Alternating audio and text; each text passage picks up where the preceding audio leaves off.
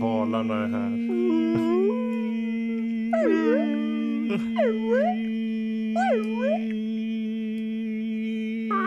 Folk tror att Robbe är sådär, låter sig jättelänge. Det är bara att vi har tagit och klippt en bit och sen bara loopat den. Så. Ja, jösses. Uh, ja, det kan ju också. Undrar om det där ska vara introt eller något kanske. Kanske ska ha intro på den där. Ja, herregud. Ja, vi tar istället och hoppar över till våra samarbetspartners. Denna vecka är vi sponsrade av Arcade Dreams. Arcade Dreams är ett svenskt företag som tillverkar custom arkadkabinett för privatpersoner och företag. Alla modeller, tillval och spel finns på arcadedreams.se men även i deras fysiska butik på Tornbyvägen 1A i Linköping. Beställning kan göras direkt i deras webbshop eller i butik och det finns via Klarna en mängd betalsätt att välja bland. Tack till Arcade Dreams!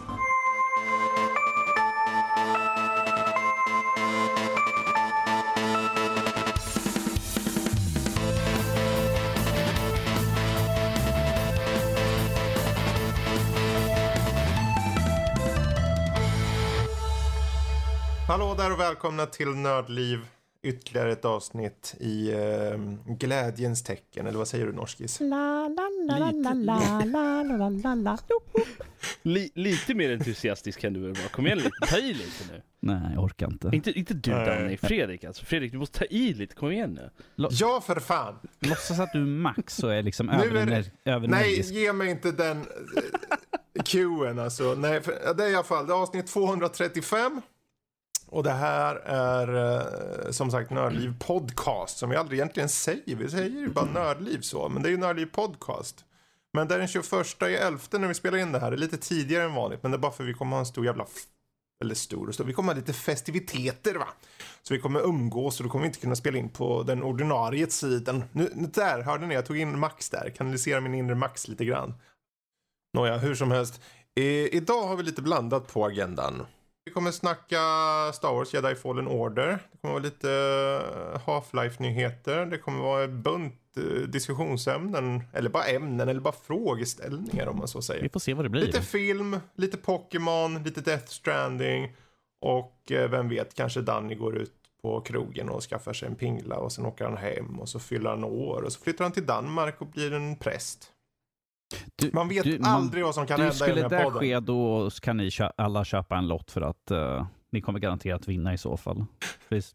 Oj, oj, oj. Ja, det lär ju hända samtidigt som grisar flyger och... eh, Alltså grisar inte bara flyger, de har så här raketer på ryggen som bara flyger, som s- skjuts ut i atmosfären liksom. Mm, då har det hänt något. Då har det hänt något. Ehm, vi kan väl börja med, jag tänker vi börjar med typ det som vi kallar veckan som hänt. Och egentligen så är det ju bara vad vi spelat och kanske den här nyheten om eh, Half-Life då. För det, är ju, det kom ut en trailer, först kom ett utannonserande om att någonting skulle komma och sen mycket riktigt kom en, eh, en trailer på Half-Life Alyx. en trailer. Ehm, och det är ju en VR, ett VR-spel visar det sig för Valve Index, Vive, Oculus och eh, så. Ehm, jag vet inte, eh, har ni hunnit titta på den där trailern eller? Yes. Tog och kikade på den ja. Ja. Eh, ja, vad säger ni? Ser den intressant ut? Yes. Utveckla. Jag, jag, jag, jag vet inte riktigt. Jag... Ja, Det här, här kommer hade varit lite gnällbältingen mer- nu. Det hade varit lite mer intressant tror jag om det inte hade varit en VR-titel tror jag. Go on. Ja, jag vet inte, alltså jag tror att Half-Life har ju varit så frånvarande, ska man, Mm. är, väl ett, är väl ett snällt sätt att säga på. Eh, sen vad? När kom, när kom Episod 2 ut? Oj. Någonstans innan 2010 i alla fall. Ja, herregud, det måste vara mitten av... 2000 där någonstans. Ja. Ja. Så det är ju, det är ju en, typ en, vad, 15 år sedan eller något sånt där. Ja. Det släpptes 10 oktober 2007. Ja, Mm. okej, så 13 år sedan då. Eh, ja, eh, snart i alla fall. Och då är det liksom, och, och det första som kommer utav det som är någonting nytt så att säga, är en VR-titel. Jag vet inte Mm. riktigt, det känns som att jag tror inte riktigt det var rätt sätt att göra det på, enligt min personliga åsikt i alla fall. Jag har ingen jag har ingen personlig koppling till Half-Life på det sättet. Ja, om vi säger så här, jag tror ju mer på att de vet själva att tiden har gått på det Mm. sättet att det, det är ingen idé, vad de än skulle släppa som har med riktiga inom situationstecken Mm. Half-Life-serien att göra så skulle det vara dödfött lite. Förväntningarna är antingen bajshöga eller så är det liksom, det är kört från start. Ja. Så att byta kanske till VR. Dels så, de, de fick ju precis ut sin nya, den här uh, Valve Index. Så att ha någonting kompatibelt med det från start. eh, som är också, alltså är det någonting som VR behöver är ju en eh, typ killer app. Liksom. Så Mm. potentiellt så om det visar sig vara väldigt bra så. För det, jag tycker det ser väldigt intressant ut. Jag blir själv sugen när jag ser den här. Och jag tänker att när vi åker till Max då, han har ju eh, VR, han har faktiskt den här Index. Han köpte ju ett nytt VR-system. eh, här för en månad sedan. Ehm, Okej. Och eh, jag tror definitivt det här kan vara värt att Jag är faktiskt testa lite, på. jag blir lite orolig för Mhm. när man tittar på trailern Mm. så den är ju väldigt, det är en bra trailer. Mm. Måste jag säga. Det är en bra trailer. De visar upp liksom det är action pack- packed liksom och det är väldigt hype och allt sånt där. Men på grund av hur VR fungerar, vet man hur VR fungerar liksom. Så känns det som att, ah okej. Det där är alltså bara actionmomenten. De, vis, de har inte visat upp någonting om vad som händer mellan de där actionmomenten riktigt. Och det är det som känns lite, jag blir lite orolig över. För det är ju alltid det här klunkiga röra sig runt och allt sånt där. För kommer det bara vara att, ah hej du står här och så skjuter du fiender, du ska göra någon Mm. liten pusselgrej bara liksom. Och sen förflyttas du till nästa område. Jag vet inte. På grund Om av vi säger att så här, är det några som försöker innovera saker, i alla fall när de väl har släppt något så är det väl förstås Valve.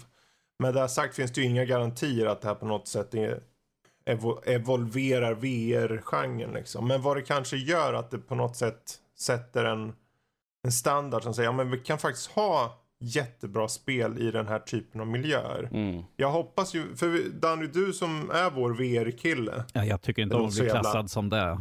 Ja men du är ju det. Du är den enda som egentligen recenserar som har VR. Eh, det är ju egentligen bara Max som har VR va? Utöver uh, dig. Yes. Vad jag vet. Han, Men, han har ju eh, riktig VR, jag har Playstation VR. Jag tänker på PS, PSVR så hade de ju den här Blood and Truth eller vad den heter. Mm. Som, som upplevdes lite som faktiskt ett väldigt eh, ambitiöst projekt. Yes, ett, det absolut bästa skjutarspel som jag kört på VR. Mm. Och jag tänker här får jag samma vibbar av att ambitionen för dem. Att de, det känns mer som att om vi tar VR på allvar med den här. Vi vill ge en bra story i något som är ett etablerat universum. Mm. Det heter inte Half-Life 2, 3 någonting utan det heter Alyx. Det är någon form av prequel eller hur var det med det? Ja, Det är, en det är prequel. utspelas mellan ettan och tvåan. Ja okej. Så um, då får man lite extra där och vem vet. Jag tänker bara i förlängningen. Det kanske leder till något annat. Men um, jag vet inte hur ser du? Hur ser du på den här då?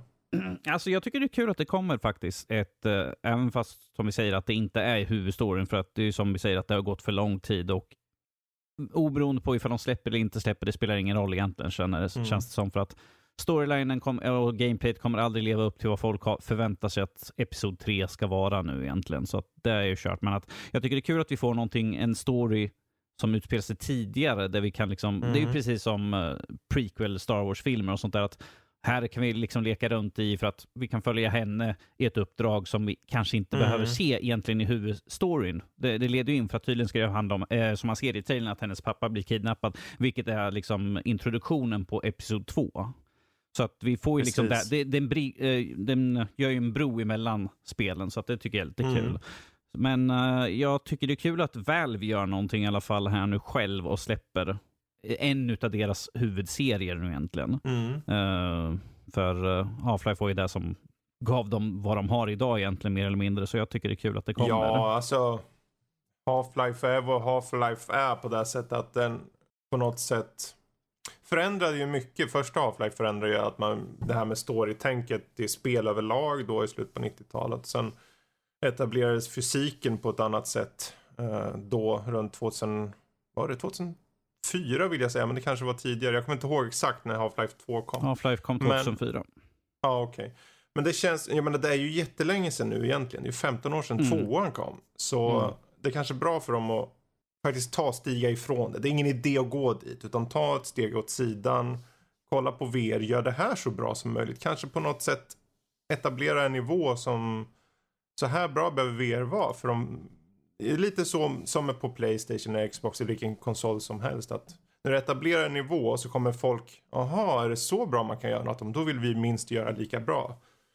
Uh, Ja. Och det kanske behövs på VR. Ja, och jag tycker, Okej. jag tycker det är skönt att det är ju en innesluten storyline som vi vet att du, Mm. har, du får en början och du har ett slut för att det går in i tvåan då. Så att vi vet att Precis. det är ingenting man tänker, kommer det komma en fortsättning? Så, mm, behövs egentligen exakt. inte där ju. Jag, Ja. jag, jag har en fråga då. Yes. Ja. Ehm, tror ni att det här bara är en språngbräda då för VR och vad deras killer app eller vad man nu ska säga? Eh, jag, Eh, jag, eller- jag läste att, den här, att det här spelet Mm. släpps samtidigt som eh, version 2 på deras sån här... eh, Vad jag menar här är att Ja, okej. Tror ni att det här, det är bara därför? Eller tror ni att det här är också ett sätt att kunna, att på något sätt bedöma hur någon form av nytt Half-Life skulle bli mottaget? Mm. Kan ju vara en mix av de Mm. sakerna. Ja, det, är- jag. det är självklart att det inte behöver vara antingen eller, men att, men att de valde just Half-Life för att vara deras... Alltså det, som alla beslut så tror jag nog finns det finns ju alltid ett skäl till att doppa tårna i vattnet och känna lite. Mm. Och det, så är säkert fallet till viss del här. Eh, eller Ja, kanske men till jag, jag, rent jag av tänker till liksom historien. att, jag Mm. tänker liksom att, för jag menar, det finns ju, egentligen så finns det säkert bättre val av eh, ehm, franchises så att säga. Mm. Ja, För- de kommer ju och- gjort Portal eller som du, liksom, Ja, du det var det jag skjuter tänkte, igenom. det, jag känner att Portal skulle ju vara ett jättebra, Mm. eh, skulle ju fungera jättebra i VR. Just Alltså, på jag, grund av det hur kan det är. ju vara annars, för de har ju Portal. Mm. Men eh, jag tänker att de, jag tänker de har tre, de har tre IPn typ om man ska vara hårdrare. Det är Portal, det är Half-Life och det är eh, Left 4 Dead. Mm. Eh, Så om de har redan gjort tech-demo eller vad man kallar den där VR-grejen i Portal så vad är nästa steg då? Ja. Ja. vi försöker göra en storybaserad VR-spel då. Vad passar bäst? Ja, vi kör Half-Life. Mm. Eh, Om det nu är det resonemanget eller den, den tankegången de haft, det vet jag ju inte. Men jag Ja, kan men jag, tänka tän- jag mig att det är liksom så. att, jag tänker liksom att varför, egentligen så skulle de ju bara kunna byggt vidare på tech för Portal om Mm. man säger så. Och faktiskt gjort en, jag vet inte, kanske inte Portal 3 men du vet, någonting som är i det, för det, det är någonting Mm. som skulle fungera väldigt bra tror jag. Mm. Och Portal har ju ändå en story liksom som är rätt bra ändå tycker jag. Ja, eh, jo. Så att det, det finns ju, Eh. man kan ju alltid bygga vidare på det, det, det är ju absolut inte ett problem. Men Absolut. det, det, jag undrar ju då liksom efter, eftersom Half-Life är ju deras stora och Mm. Half-Life 3 är ju hela den där, det är ju en meme vid det här laget liksom. Ja. Så att eh, det, frågan är ju att... och På som en ni- gång ja, vet du, när det var i mars när det här skulle komma. Alla bara, åh, månad tre! Ja, nej men alltså det, det är ju liksom, det är ju som ni säger att det är ju vad, man är, vad de än skulle göra.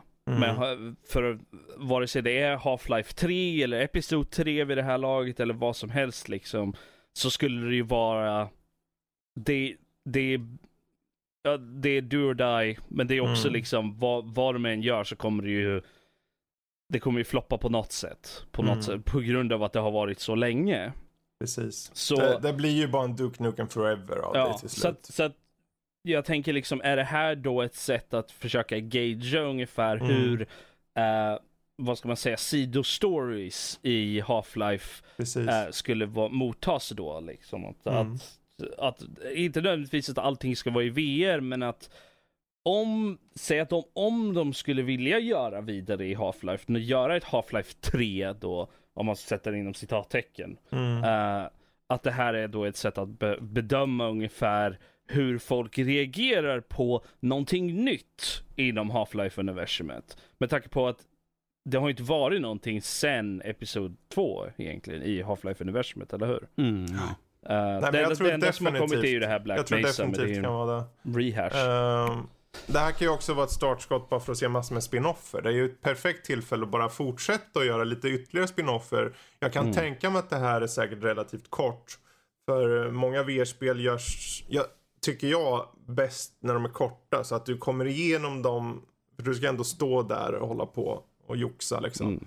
Stå i, liksom, ja, för mig att köra Skyrim i VR måste vara ett straff nästan. Liksom. Mm. Ja, 100 timmar ståendes och se ut som en mård. Eh, nej. Ska, ska man tänka lite det här som då typ Blue Shift och de där från, uh, um, Ja, från varför inte? 1? Liksom, de här som är sidostories inom Ja. samma liksom, som kan utspela sig samtidigt eller liksom före eller vad man Mm. ska säga. Jag tror nu, innan vi, innan vi tar avslutar det här så är det, jag tror hela spelvärlden bara liksom analyserar skiten ur det här. När det kanske realiteten är att de ville göra någonting och de bara visst, vi har ju Half-Life, vi gör något på det nu bara. Mm. Jag menar, spelar ingen roll. Det, det kanske är en, en, en mindre deal än vad, liksom, än vad folk tror. Det såg ju rätt Ja. snyggt ut ändå. Ja, absolut. Liksom, det hade ju fortfarande en stil så att säga. Mm. Det var inte hyperrealistiskt eller något sånt där. Det hade ju fortfarande en stil till sig. Ja. Men det var ju ändå snyggt liksom och det, Ja. det såg ut att vara relativt, vad ska man säga, upphoppat till modern kvalitet. Absolut. Jag Äh. menar, det är gjort för nya Valve Index bland annat. Ja, som är så de måste mer- ju ha, då är frågan, har de, vad, vad har de byggt det i? Är frågan. Ja. ja, det återstår att se. Men vi tar, Ja. vi tar och avslutar det där lilla nu och så hoppar vi vidare. För jag tänkte vi var inne på vi är inne på studios nu och det här är ju Valve. Och frågan Mm. om Valve kan räddas, ja det, det kanske den räddas av att eh, göra de här. Men jag vill tänkte vi skulle gå över till Bioware. Det har varit mycket snack, för på sistone har det varit mycket snack om Anthem till exempel som ser ut att eh, mer eller mindre rebootas. Mm. De vill göra en Final Fantasy, eh, vad är det, 14 på Yes. den nästan. Mhm. Men kan Bioware räddas? Är ju en frågeställning som vi länge har haft liggandes. Jag tänkte just, eh, om vi börjar med just Bioware själva innan vi går till frågan. Vad är er relation till Bioware? Rob? Jag, eh, jag, har kört, jag har varit ett fan, ska man väl säga, ända sedan Kotor. Uh, för det, jag vet inte, det är något med just det, det det är Star Wars, det är rollspel, liksom, det tilltalar mig väldigt Mm. hårt. Men, även, men sen även liksom, jag körde ju Jade Empire, tyckte jag var väldigt bra. Eh, Mm, mm. Även fast det var lite så mm, Men det var fortfarande, jag tyckte fortfarande det var bra. Jag tycker synd att de kanske inte har gjort någonting vidare inom det universumet uh, sen dess. Men även sen när man tittar liksom, Mass Effect är ju deras stora, deras, nästan deras magnum opus om man ska vara åt det hållet liksom. Det var ju så ambitiöst. Eh, Mm. Och på det sättet, och det, det, det gjorde ju någonting väldigt nytt för just RPG, RPG-genren tycker jag ändå. Eh, sen Mass Effect Andromeda kan man ju säga vad man vill om, men det, jag känner liksom att jag har, Ja, det var det. ja, Dra- Men, eh, Dragon Age liksom. Det var så bra. Precis. Precis. Ja, Origins. Jag älskar Origins faktiskt. Mm, precis. Um, men eh, du då Danny? Eh, ja, min relation till dem går ju långt tillbaka till Baldur's Gate, eh, Mm. MDK och de spelen ju så. Lång, lång, lång tid har jag ju liksom spelat deras spel ju så och Mm. det, för, mig, för min egen del så är det väl Dragon Age och förut, utöver Baldur's Gate då, som är det jag har spelat mest egentligen. Ja. Ja. precis. Alltså när jag började så var det ju första Baldur's Gate som egentligen bara övertygade mig om att jaha, då har vi hittat uh, vad riktig RPG är. här. Nu vet jag, nu behöver inte jag testa något annat. Så det, och sen fortsatte det med Baldur's Gate och Neverwinter Nights och sen så kom Kotor. Mm. Och då förenade Star Wars som jag älskar. Och ja, så fortsatte det bara där och så gjorde de sin version av Star Wars i Mass Effect typ. Mm. Eh, och på den vägen är det. Men idag så är det ju mycket som händer med eh, Bioware. Det finns inte många kvar originalteam och så. Och Ja. framtiden ser ju lite oviss ut. Om, man säger, Eh, om man säger så här, jag menar efter, man tänker Dragon Age 3, mm. Inquisition var ju inte sådär, Det är märkligt. Jag köpte det. Mm, Jag körde kanske 15 timmar sen så. Det var inte, det gav, det var ett sånt spel som bara inte liksom. Du vet när man, ibland så ska något klicka bara. Man ska Mm. känna det där att jag vill köra lite mer. Jag vill bara köra en stund till. Jag vill bara göra så. Mm. Origins var ju så för mig på en gång. Systemen, det här med Mm. de olika sluten och allting. Men, och sen kom tvåan som gick ner ganska rejält för min del. Och sen tänkte jag på trean då när Inquisition kom. Ja, nu har de gått tillbaka lite. Men ändå klickar det inte. Det kan vara Ja, att nej, alltså det var någonting som inte kände, alltså det, jag tycker fortfarande om det, det var fortfarande Mm. bra liksom. Tyvärr så körde jag det på 360 vilket gjorde att mitt överhettade så jag spelade aldrig klart det. Men, Ja, okej. Mm. men jag äger det på, uh, på eh, Origin. Ja. Ja. Ja, så att jag har ju det, men jag har inte kört igenom det. För det är en sån där grej där jag känner att jag måste nog köra igenom alla tre spelet då. Mm. För att verkligen komma igenom det. Men, men det var någonting som inte var riktigt rätt med det. Mm. Och sen, sen Mass Effect Andromeda, som jag fortfarande tyckte om, men som också hade en hel drös med problem, inte bara tekniska problem eller, eller vad ska man säga, eh, visuella problem. Ehm, utan även en hel del storyproblem och sådana saker där det kändes som att spelet inte var riktigt färdigt. Alltså det, det är ju ett sånt där sätt. spel som kände att det här, vi måste ha ut skiten så fixar vi allting efteråt. Och sen när de märkte att äh, vi gör minimal, minimal eh, arbete på de, de buggar som vi har liksom rapporterade. Och sen, sen gav de ju upp, för de sa liksom att vi, gör vi släpper På Andromeda? på Andromeda, vi Ja. släpper Mm. den här patchen och sen that's it. Ja. De var ju liksom, de bara okej this is the final one. De släppte ingen mer DLC eller någonting sånt där. Det var liksom, det var ju egentligen meningen att det skulle komma en DLC till er. En hel, en hel DLC som skulle ha the Quarians och allting i. Hur man relaterar, för det, det var ju liksom en del i slutet på spelet. Där det var liksom Mm. att, ah, det här är en grej som kommer hända och då får man vänta på DLC liksom. Men, men det var ingenting som kom av det på grund av att Ja, jag är inte riktigt säker på vad det var för någonting. Eh, men jag, sen, jag tror att det var kritiken, eh, den här stormen av kritik som kom och sen att de kände att vi tjänar ingenting på att göra någonting mer på det här spelet. Nej, precis. Alltså den, den förlusten de skulle ta bara för att sätta ett team och arbeta på det skulle inte motsvara även den bästa omständighet som kan ske när kanske x antal personer plockar upp det. Jo, igen. men det, det är ju de själva som har skjutit sig i foten med det liksom ändå. jo, jo, det, men det, det är ju ett men- beslut de men- måste göra liksom. jo, jo, men vad jag, nej men alltså för själva spelet liksom. Mm. Det, var, det, var ju, det ligger ju på dem, måste jag ju påstå faktiskt. Men, och sen Anthem, ja. Ja, Och där har vi ju skillnaden till skillnad från Andromeda som de övergav, eftersom det här är ju en live service. precis. Mm. De Så kan inte överge det på samma sätt. Så måste de ju helt enkelt göra Mm. någonting för att det, de har investerat så mycket i det. Ja, där. det är, det är ju ett commitment också mot Mm. de som köper det. Det är väl där. Det är ju inte pengarna så mycket som commitment. Eh, jag tror ju dock, de kommer ju ge upp det till slut. Alltså det, vi snackar, jag tror inte vi snackar lång tid. Jag tror de redan skulle ha gjort det vid det här laget. Ja, Ja. ja faktiskt. Ja, om ett år. Det blir intressant att se om de fortfarande ens håller på med det ett år till. Om de mot förmodan håller på med det om ett år. Då kanske vi kan se en sån här eh, omväxling ungefär som hände med No Man's Sky eller något. Om vi har tur. Men eh, Problemet, är, problemet Åh. ligger ju i vad själva spelet är för någonting. Mm. Och jag tror inte, det ligger inte åt Biowares starka sida heller. Det är det som är grejen. För det, Bioware har alltid varit starka med liksom storydrivna Eh, liksom, och, story med karaktärsdrivna liksom stories och, och eh, bygga liksom ett, ett universum så att säga. mm. Och liksom bygga, klämma in så mycket de bara kunde i det. Och liksom få det och, och låta spelare upp, uppleva det.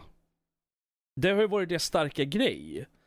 Re- Redan från början så vitt jag förstår det. Jag, som sagt, jag har aldrig spelat Baldur's Gate och de där spelen, men, men även därifrån liksom. Ja, Men nej men det är ju bygg- storyn som är i fokus och så har det alltid varit i, de, Ja. i, i merparten. Jag menar, se bara deras MMO-försök där. Eller försök, den håller väl på fortfarande. Star Wars The Old Republic. Ja, precis. Jättemycket fokus på story. Ja, så att det, det är ju ändå liksom Det har ju alltid varit deras grej och så kommer Anthem som är Vad? Liksom Ja. det, det är inte, det, det absolut inte ligger i deras wheelhouse så att säga. Nej. Det är inte det som de är kända för. Det känns Alltså, vi- liksom som jag att tror de... mycket har ju med ledarskap att göra. För redan när de här två doktorerna försvann. Med, ju- vad heter han? Jag kan aldrig säga hans namn. Mitsuka och Greg eh, Sheshuk eller vad de heter. De där som grundade det. Mm. när de försvann där typ, var det innan, efter uh, Mass Effect 2 eller 3 där.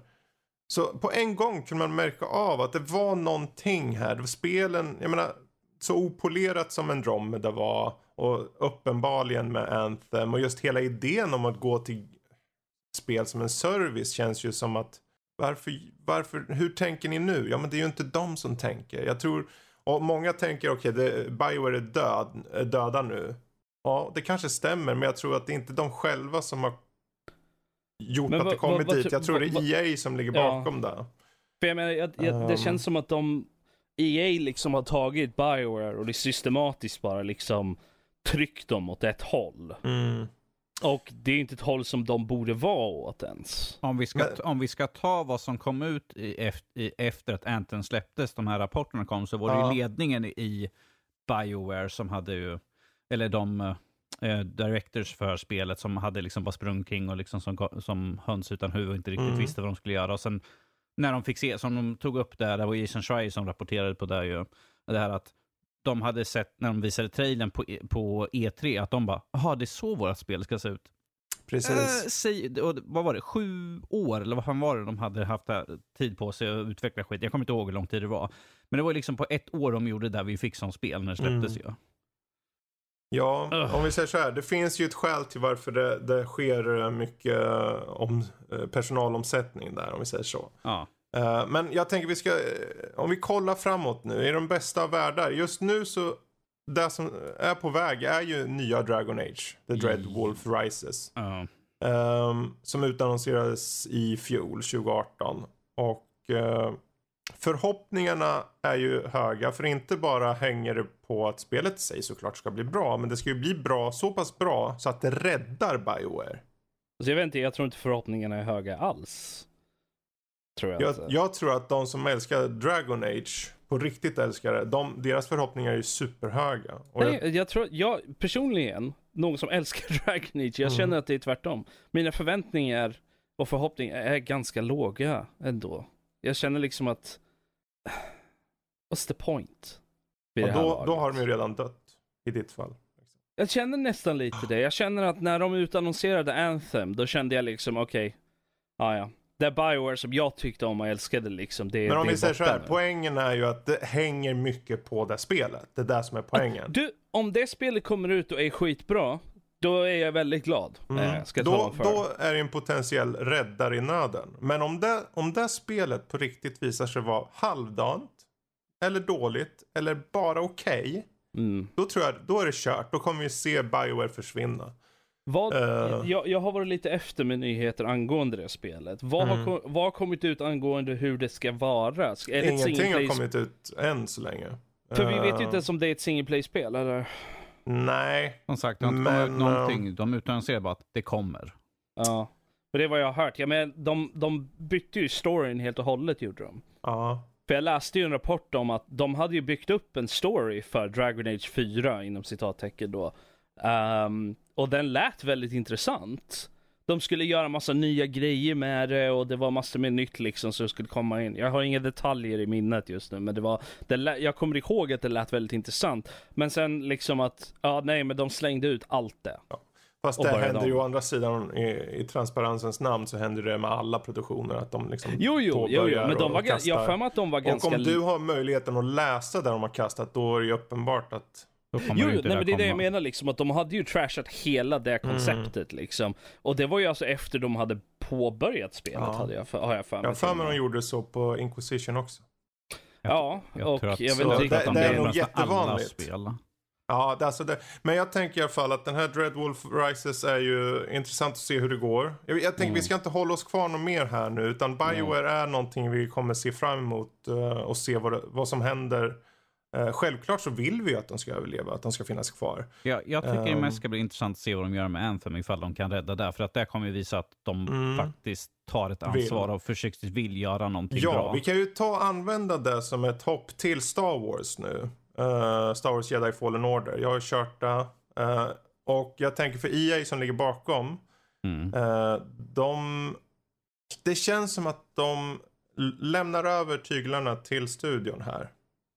Det finns inga mikrotransaktioner alls i spelet. Det är helt fokus på singel. Respawn har fått göra vad som verkar som de vill. Självklart har de säkert blivit Mm. styrda av eh, liksom Disney. Eh, man kan ju inte göra vad som helst antar jag. Nej. Nej. Men den här, det här spelets story är nog en av de starkaste sidorna tycker jag. Eh, och sen att vi har ett gameplay som en slags fusion mellan Uncharted, Tomb Raider och lite Dark Souls eh, light typ. Jag försöker- Kombinerat med Metroid Prime. Gör att det är synnerligen unikt på något sätt. Jag försöker Eh, komma ihåg, vilket var det senaste storydrivna Star Wars-spel som kom ut? Wow, de här, uh, vad heter han, Starkiller-snubben? Uh, Unleashed, vad heter det? Ja, Star Wars Force Unleashed. Unleashed. Force Unleashed ja. De där halvdana spelen. Ja, Jag vet inte, jag tyckte om dem. Jag tycker storyn i dem är ganska intressanta också. Ja, storyn är det som räddar. Jag tycker det, det Ja. var så klumpigt och Mm. mm. ooptimerat och, och så. Men, Men, det, men det, var, de det var fanns en bra spel. aspiration där. Ja. Um, För det med, jag känner att det är svårt att säga liksom att jämföra någonting som Jedi, Jedi Fallen Order med till exempel Battlefront. Som inte är storydrivet. Är det, inte. det är ju gjort för att vara, jag vet, jag vet att du har ju en single play kampanj ja, i tvåan. Ja. Ja, i tvåan liksom. Mm. Men att det är ju inte det som är fokuset på spelet. Om Nej. du förstår vad jag menar. Och alla har ju den förståelsen liksom att Mm. okej, det är inte det som är fokuset. Precis. Det är ju bara en nice to have. Mm. Medan Star Wars Jedi Fallen Order är ju alltså ett storydrivet single player-spel. Mm. Um, Så att Ehm, det, det, jag tror att det man måste jämföra med är ju, är ju nästa spel bakåt då. Och det är ju då Unleashed. mm. Jag vet inte varför vi ska ens jämföra, ärligt talat. Nej men jag, men, nej, men jag menar att- när, man, när man tittar på spelen liksom för, att, Ja. för vad man förväntar sig på något sätt. Som du förstår. Ja, jag tror att förväntningarna var... De fa- det fanns en förhoppning, det fanns ett hopp. En ung, Ja. Ett ungt hopp här. Men, Ja. eh, det, och det visar, sig, det visar sig att det faktiskt var, var bra grejer. Jag Ja. skulle inte säga att det här är det bästa spelet som har kommit ut i år direkt. För det, Mm. har, det har både starka och svaga sidor. Har mörka och ljusa sidor. Jag, jag, jag vill gå dit hela tiden. Jösses. Jösses. Det finns massor. Men när jag, för när jag skrev om den här så kom jag på att det finns massor med punkter som jag tänkte här och det här tycker jag inte om. Och jag, jag tycker det här Dark Souls-upplägget som det har, även om de har förenklat det, för du har, du, till att börja med har du svårighetsgrader, du kan själv välja hur du vill köra det. Mm. Det har du inte i Dark Souls vad jag vet. Mm. Ehm, men att de, eh, att de tar det, jag börjar bli lite ut, det börjar bli lite tjatigt med Dark Souls. Ja. Punkt. Så är, eh, alltså, för de som älskar det, det är jättebra. Då kan man, Ja. men det är där som det här spelet kanske å andra sidan på samma gång briljerar lite. För att i och med att du kan välja svårighetsgraden, så om du vill bara göra det mysigt, du kan välja storyläge. Mm. Och då är det okej utmaning. Det är ju, du klarar det utan problem. Men eh, du kan byta svårighetsgraden in game när du vill. Jo. Nej, Så, men jag, jag, um, däremot så hörde jag från någon som pratade om det att eh, det är liksom, de, man hamnar lätt någonstans i mitt emellan svårighetsgrader. Där typ normal svårighetsgrad är nästan lite för enkelt. Så man blir lite smått uttråkad på det sättet när, Ja, när det kommer till själva gameplay-aspekten liksom. Med, eh, eller combat om man nu ska vara specifik Mm. då. Och- men om du går upp till nästa nivå, hard eller vad det nu heter, Mm. eh, så är det för svårt. Ja. Det är ju, timing är ju sjukt viktigt i spelet. Du ska ju Mm. tajma när monster och stormtroopers och allt vad det är skjuter på dig eller hoppar mot dig. Ska du liksom exakt i rätt ögonblick. Mm. Kör du story mode eller normal? För jag tror det du syftar på är nog story mode och sen gå till normal. För normal är... Det, det är faktiskt lite smått... eh, jag tyckte det var lite utmanande på sina ställen. Särskilt när det kommer i bossfighter. Allt annat var lätt. Eller lätt. Det var underhållande utmanande. Mm. Jag tycker det är så tråkigt det här med att oh, vi ska ha det så svårt och så. Här får man åtminstone, i Dark Souls då, men här får du åtminstone välja. Så om du är ute efter storyn och bara vill klättra, utforska, hitta saker i miljöerna, få eh, ta reda på lite storylines och sånt. Och framförallt bekanta dig med karaktärerna. För du spelar ju den här Kal Kestis som han heter. En ung padawan som efter Order 66 verkligen är liksom, han gömmer sig ute i galaxen på en scrappy liten planet där de liksom scrappar massor med gamla rymdskepp. De tar med, man ser, de tar in till exempel separatistskepp som de hade i, i prequel-trilogin och grejer där. Ser man. Massor så här detaljer som, om man är lite Star Wars-nörd, ja, där ser vi ett sånt och där, och just det, och så här Clone Trooper-skepp står där lite alldankat så.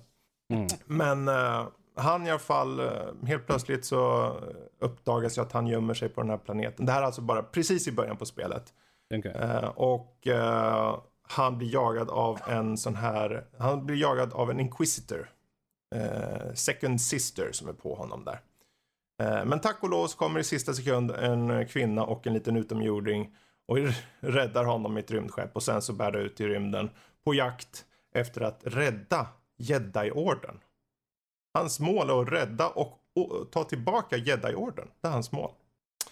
Och sen så händer det ju såklart mycket i storyn som jag inte tänker gå in på.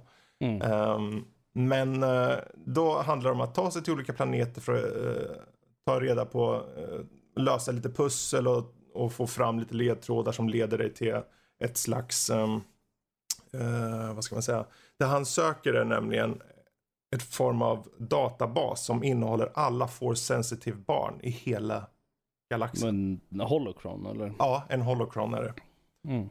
Uh, och det är den han letar efter. Men för att göra det måste han ta sig till tre olika planeter och hitta olika tre beståndsdelar för liksom så. Uh, och den storyn för mig var den så här, åh oh, vad kul att de, de går in hit, de lutar sig in, det finns lite tidbit saker, får träffa olika karaktärer. Vissa, någon här och var känner du med all säkerhet igen från eh, vissa filmer. Och eh, ja, det är mysigt, det är bra. Bra ljud såklart. Bra musik, men det det är ju Star Wars. Så där har de ju bara tagit från filmen och det känns bombastiskt och härligt. Men eh, för mig så är det nog de här, de här leta, hoppa runt på väggar, lite Prince of Persia-stuket som jag tyckte var jätteroligt. Mm. Uh, och allting känns som att du hela tiden får nya force powers.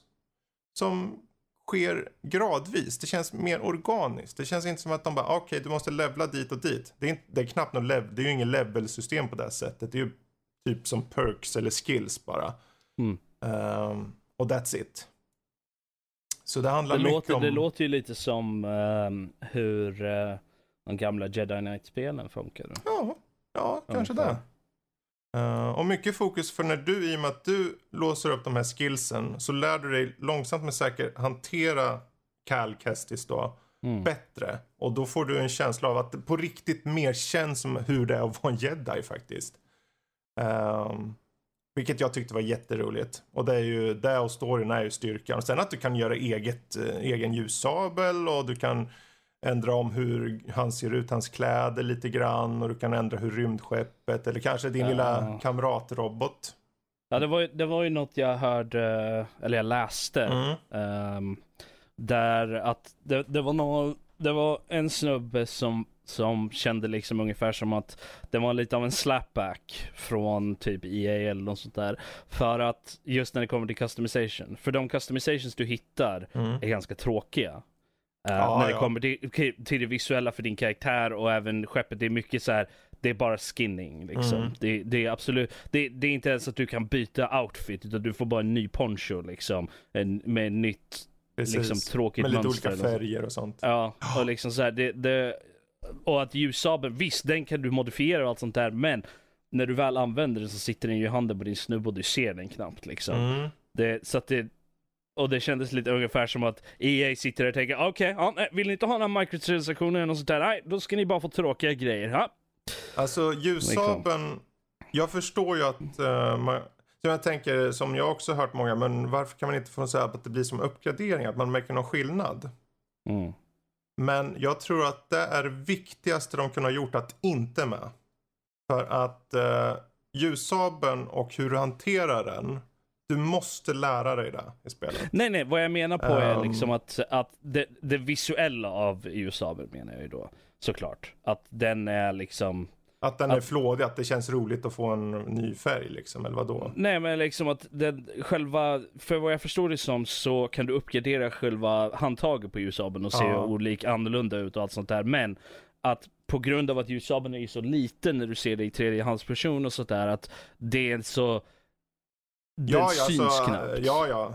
Mm. Där du håller det spelar ingen roll när du springer runt. liksom. Nej nej, men det är det, med, det, är det den här personen menade Ja. på då, liksom att det är den enda egentligen visuella Ja. customization som du ordentligt har och den syns knappt. Nej. Liksom, Men å så andra att- sidan, det är ju mest, alltså den har, det känns ju för min del att de har slängt in det mest för att här har ni lite extra. Det är en, det är en bonus för de som vill. För mig. Men- var, det var ju, tog ett bra tag innan jag ens brydde mig att ändra den faktiskt. Nu. Men vad jag Um, menar på här är, är ju då liksom att det, det är nästan som att EA liksom säger att ja, ja, ni, ni vill inte betala för sådana här grejer eller något sånt där. Ni tycker att eh, allt sånt där var skräp, så då ger vi er inga kul cus- customizations eller något sånt där överhuvudtaget. Ja, det skulle inte jag tro. Jag Nej, tror, men det, det, det, det kändes lite så, Ja, jag, jag kan förstå kan- poängen lite. Det kanske den personen tycker och så, eller Ja. tror eller så. Men jag, det tror jag absolut inte. Jag tror Respawn här Eller att de har, valt... de har överkorrekterat åt fel håll, om du förstår vad jag menar. Liksom att, eh, på grund av att de inte vill bli associerade med någon av de kontroverser som hände tidigare, Mm. när det kommer till Star Wars och allt sånt där, så har de överkorrekterat. Uh, istället Jag för tror att inte det ge... heller faktiskt. För jag menar, Det, om det man känns tittar på... in... ah, vi, Kan vi gå vidare? Vi går Ja, ja, vidare. är okej. För annars fastnar vi där. Jag, jag vill bara säga att det viktiga med ljussabeln, för du får... Jag kan spoila en sak. Nej. Eh, och den saken ser man i recensioner överallt, så den vet du säkert om. Det är att man får, du har ju en vanlig ljussabel först. Och sen efter ett tag så får du en sån där som Darth Maul har med två stycken ljussablar. Liksom. Dual lightsaber. En dual Ja, det lightsaber. visste inte jag om, så... Nej. Och det är egentligen, det är, en, det är ganska tidigt. Så det är inte så farligt. Men just hur du hanterar dem. För de hanteras lite olika. Och det handlar om hur du kör, hur du styr gubben, hur du rollar. Hur du så. Och det har inte så mycket med om du låser upp skills eller någonting. Så mycket som att du behöver bli bra. Get Och det är där som spelet verkligen gör sig bra. Liksom. Det, det känns Mm. som att de på riktigt fokuserar på vad som är viktigt. Respawn har gått in för, okej vi vill göra att den här com- combaten i de övre svårighetsgraderna faktiskt känns som att det är du som styr. Sen kan du köra, du kan ju fortfarande köra story eller kanske till och med normal och bara liksom mosa skiten ur saker och ting. Jag menar, du, eh, tillfälle du springer runt och bara har, har ner en ATAST eh, liksom. Mm. Så. Men eh, världsbygget framför allt. Bra grejer. Det som inte är lika bra, om jag ska hitta saker som är kanske inte är lika bra för mig, så var det hur kartorna var uppbyggda och banorna överlag. För som i Dark Souls har du som bonfires liksom. Och här har du liknande, ja det är ju sparställen bara. Meditation spots Ja. eller vad de heter. Och, och det är liksom, det är där du gör dina uppgraderingar och så sparar du där typ. Och- eller rest, uh, gör liksom vilar. Du sparar din progress liksom. Ja, och vilar och så då, då får du tillbaka hälsa men då respawnar alla fiender också. Mm. Men i och med att kartorna är uppbyggda så här Metroid-liknande med, eh, så att de är superlånga liksom. Och när du landar på planeten då måste du, du måste gå hela vägen. Även om du, ja, men jag ska bara hitta den här sista grejen som jag vet är längst bort på banan. Ja, då får du vackert att bara gå genom allt. Ingen fast travel. Ingen fast travel. Om de åtminstone hade haft fast travel mellan meditationsställena så hade jag varit det hade varit fine för mig. Eller bara några specifika, kanske två bara. Så att jag bara kunde komma lite längre in. Lite som, eh, ja, men som, som i Tomb Raider liksom. Att Ja. du, du kan tra- fast travela mellan campfires. Precis. Liksom, jag förstår ju att upplägget är ju som så att du ska ju, du låser ju upp som eh, när du kommer runt och hittar baksidan av vissa ställen så kan du öppna upp det. Så då har du en shortcut öppen då för Mm. nästa gång du kommer där. Ja, det låter ju väldigt... Det, det, jag får bara flashbacks från när jag spelade The Surge alltså. Ja. Du älskade Surge. Men det, är just, men det är ju det där eh, tanken som finns. Och jag tycker det är tråkigt för de, de tvingar ju folk till att bara springa runt och, och drälla tills de hittar den där saken som är längst bort, bort, bort på banan. Artificiell förlängd speltid. Vilket för mig Okej. känns som att, ah, ja, alltså det är ju kul men jag vet inte om jag orkar springa ända bort dit bara för att hitta en ny poncho liksom. Eller vad, nu, vad det nu är liksom. Mm. Visst får du ju, du får ju XP för allting och med XP kan du få de nya skills och det finns mycket skills att låsa upp. Mm. Men, och när du har klarat av storyn så kan du fortsätta. Uh, det enda du inte kan göra är att gå till den sista världen. Det är det enda jag säger där. Ehm, men eh, med det sagt, alltså banorna i sig, de är lite trickliga och sen är det, det, alltså, det är inte superoptimerat kanske. På det sättet att det inte finns ingen game breaking i det. Men animationer känns lite off ibland. Ibland när jag hoppar och han kanske hoppar, hoppar över något stup eller någonting så fastnar benen i... Du vet den där som att han, de är upp mot ryggen så här liksom. Jösses. Lite grann. Några ögonblick. Det är liksom nå- här och var då och då. Det är inte ofta men det händer ändå relativt konsekvent så att det ja, det är möjligt att det kommer något. en patch för det då möjligtvis i så fall. Så Men- det är dock, alltså sådana glitchar eller om det är någonting i hur det ser ut kanske. Det, Ge det tid bara. Ge det några veckor, en månad. Jag tycker det är ett jättebra köp. Det är bara att köpa det här. Gillar ni Star Wars så definitivt bara hoppa på det här Jag, jag, är, jag är så kluven över det här spelet Mm, alltså. För jag allt jag, hört är allt jag har hört är positivt. Ja. Är Om vi säger så här, jag skulle vilja se en uppföljare på den här. Gud Ja. vad jag vill se en uppföljare på det här. Rabbe. Som de kan, inte, att de kan streamlina det lite. Kanske skära ner på det lite så att det känns lite mer överkomligt sett till, kanske de här eh, spånställena Mm. eller vad det nu är, kan också bli förflyttningsställen. Bara små saker, bara fixa till det. Och utöka storyn, då vill jag se vad som händer med han. Mm. Men, eh, ja. Vad- om, du, om du är snäll kan du be din bror om du får spela spelet. Ja. Ja, nej, jag, jag ska se om jag kan gå half-seas med Troy Ja. för eh, eh, det här EA Access ja, just det. i, i en månad. Ja. Ja, precis. Det kostar, i Access Premier då måste du ha. vad kostar det? Då? 150 i månaden. Ja. Ja, Ja, däremot men så det- att om vi köper absolut. det för en månad liksom, vill jag ju kunna spela igenom skiten Ja, på det. visst, absolut. Ja, det tycker jag. Uh, du ska göra.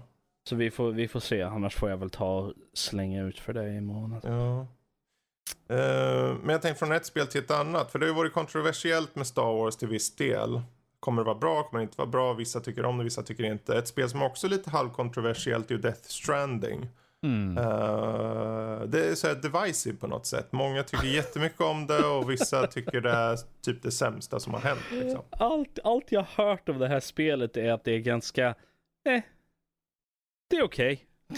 Men liksom att det, det blir bra efter typ 20 timmar. Och Oj. man är lite så här, Ja. och att folk är, folk är väldigt så här liksom, Det argumentet har jag alltid stört mig på. Ja, men det blir bra i 20 timmar.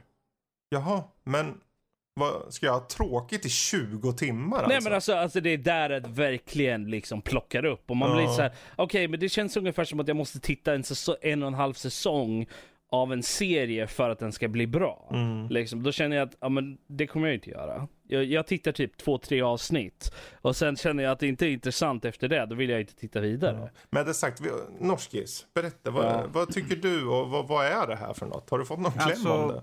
Problemet med det där är att det, det stämmer ju faktiskt väldigt bra. Att du måste ta dig över krönet innan det blir bättre så att Mm. säga. För eh, den första biten av spelet så är du till fots. Eh, och du har ingenting du kan försvara dig med. Eh, du, det går väldigt långsamt då så att säga. Eh, du är väldigt begränsad på vad för saker du kan ha, hur mycket du kan bära. Mm. Så på det sättet så stämmer det att det tar en stund innan du kommer till en punkt där du kan låsa upp saker som gör att du kan ta dig snabbare fram. Fordon, du kan låsa upp vapen, etc. etc. som gör att eh, spelet blir lite mer lättillgängligt. Eh, men det här är ett spel för dig som tycker om att springa och lämna paket. Uh, Postnode, uh, Anställda älskar ju sånt. Kom igen, eh, ta inspiration som jag skrivit i trailern att alla leveransföretag borde ta det som en inspiration. Liksom att vi vill också vara lika duktiga som en person på, till fots. Vi, kan, vi har våra bilar, vi kan brömma fram och lämna saker i tid.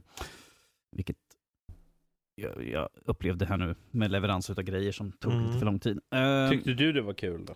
Alltså, jag gav det ett bra köp. Uh, ja, som sagt, det tog en stund innan jag kom in i spelet som sagt. Eh, den första biten är ju inte den mest inspirerande, eh, så att säga. Och att storyn tar, tar sin tid att liksom komma ut. Man portioneras ut emellan alla olika de ställen man tar sig till Mm och karaktärerna man träffar på. Eh, men att hela tiden, det byggs på någonting nytt, man får lite mer information, man eh, kan plocka upp tidbits, storylines och sånt där, eh, intervjuer som det kallas i spelet, där man får lite förklaring till vad Death Stranding är för någonting, vad en, en BB, eller Bridge Baby som de heter i spelet, är för någonting, karaktärerna, så att det, sakta men säkert så får man information hela tiden som gör att man blir lite mer nyfiken på världen. Vad är det som har hänt? Um, och eh, man ser huvudkaraktären då, uh, Sam, uh, som han heter, uh, liksom hur han tar sig an uppdraget för att han är en väldigt tillbakadragen, väldigt motsträvig till att beblanda sig med UCA, som de heter. Och spelet börjar med att han blir ju mer eller mindre tvingad att träffa presidenten som eh, är döende och vill att han ska ta sig över landet och koppla ihop alla de utposter som finns över landet till ett, lokal, till ett stort nätverk och binda ihop och göra USA great again, Mm. mer eller mindre. Uh, då, hon är ju hans typ fostermamma eller något sånt där. Ifall Mm. jag missminner mig helt fel. Nu är det extremt många timmar sedan, sedan jag spelade introt på så. Men eh, ja, spelet har väldigt många bra saker. Eh, en av de absolut bästa sakerna med spelet är att det är fruktansvärt snyggt.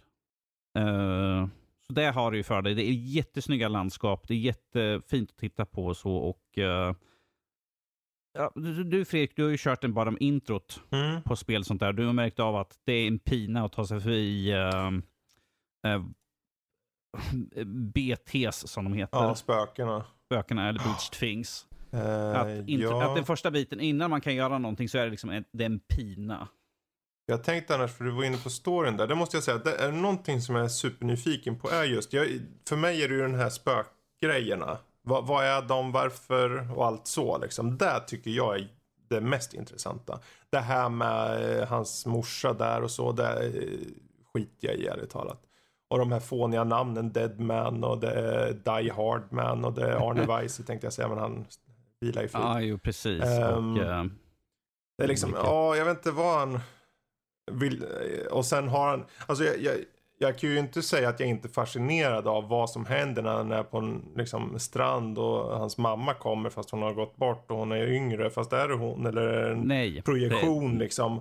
Och massor med sådana här saker. Jag, jag låter det vara luddigt för jag vill inte säga Okej. något.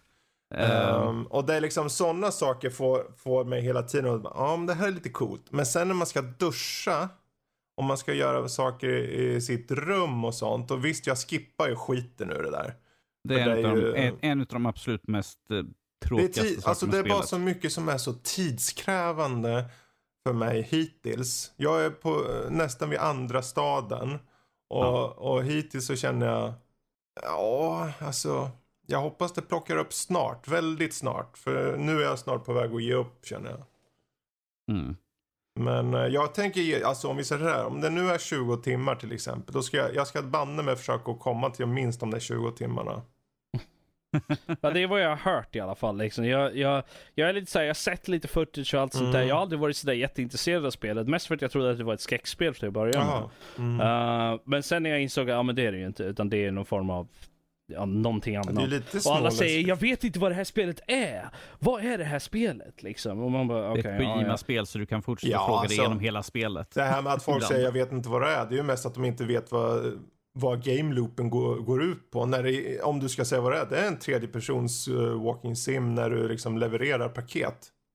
Så, Ja. Jag är lite såhär, Men, jag är lite såhär, jag är lite intresserad av ja, det. men det verkar ju evolvera en hel del jäms med resans gång. Och jag tror storyn, om de ändå hookat mig, så jag vill ju se om jag kan se vad storyn tar vägen. Men jag var rädd att, att det är väldigt många som inte har tiden, inte har orken. Eh, och till slut bara, nej men om jag ska se, vad är det, 100 timmar eller 50 timmar och sen kanske komma igång.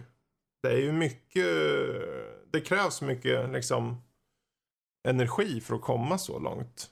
Ja, ska, man, ska man se det på det sättet, då kan du ju lika gärna hellre plocka upp typ Outer Worlds eller någonting annat. Liksom, Ja, för så- skillnaden där du- där var ju att Outer Worlds, in, liksom. de hade ju game loopen på en gång plus storyn.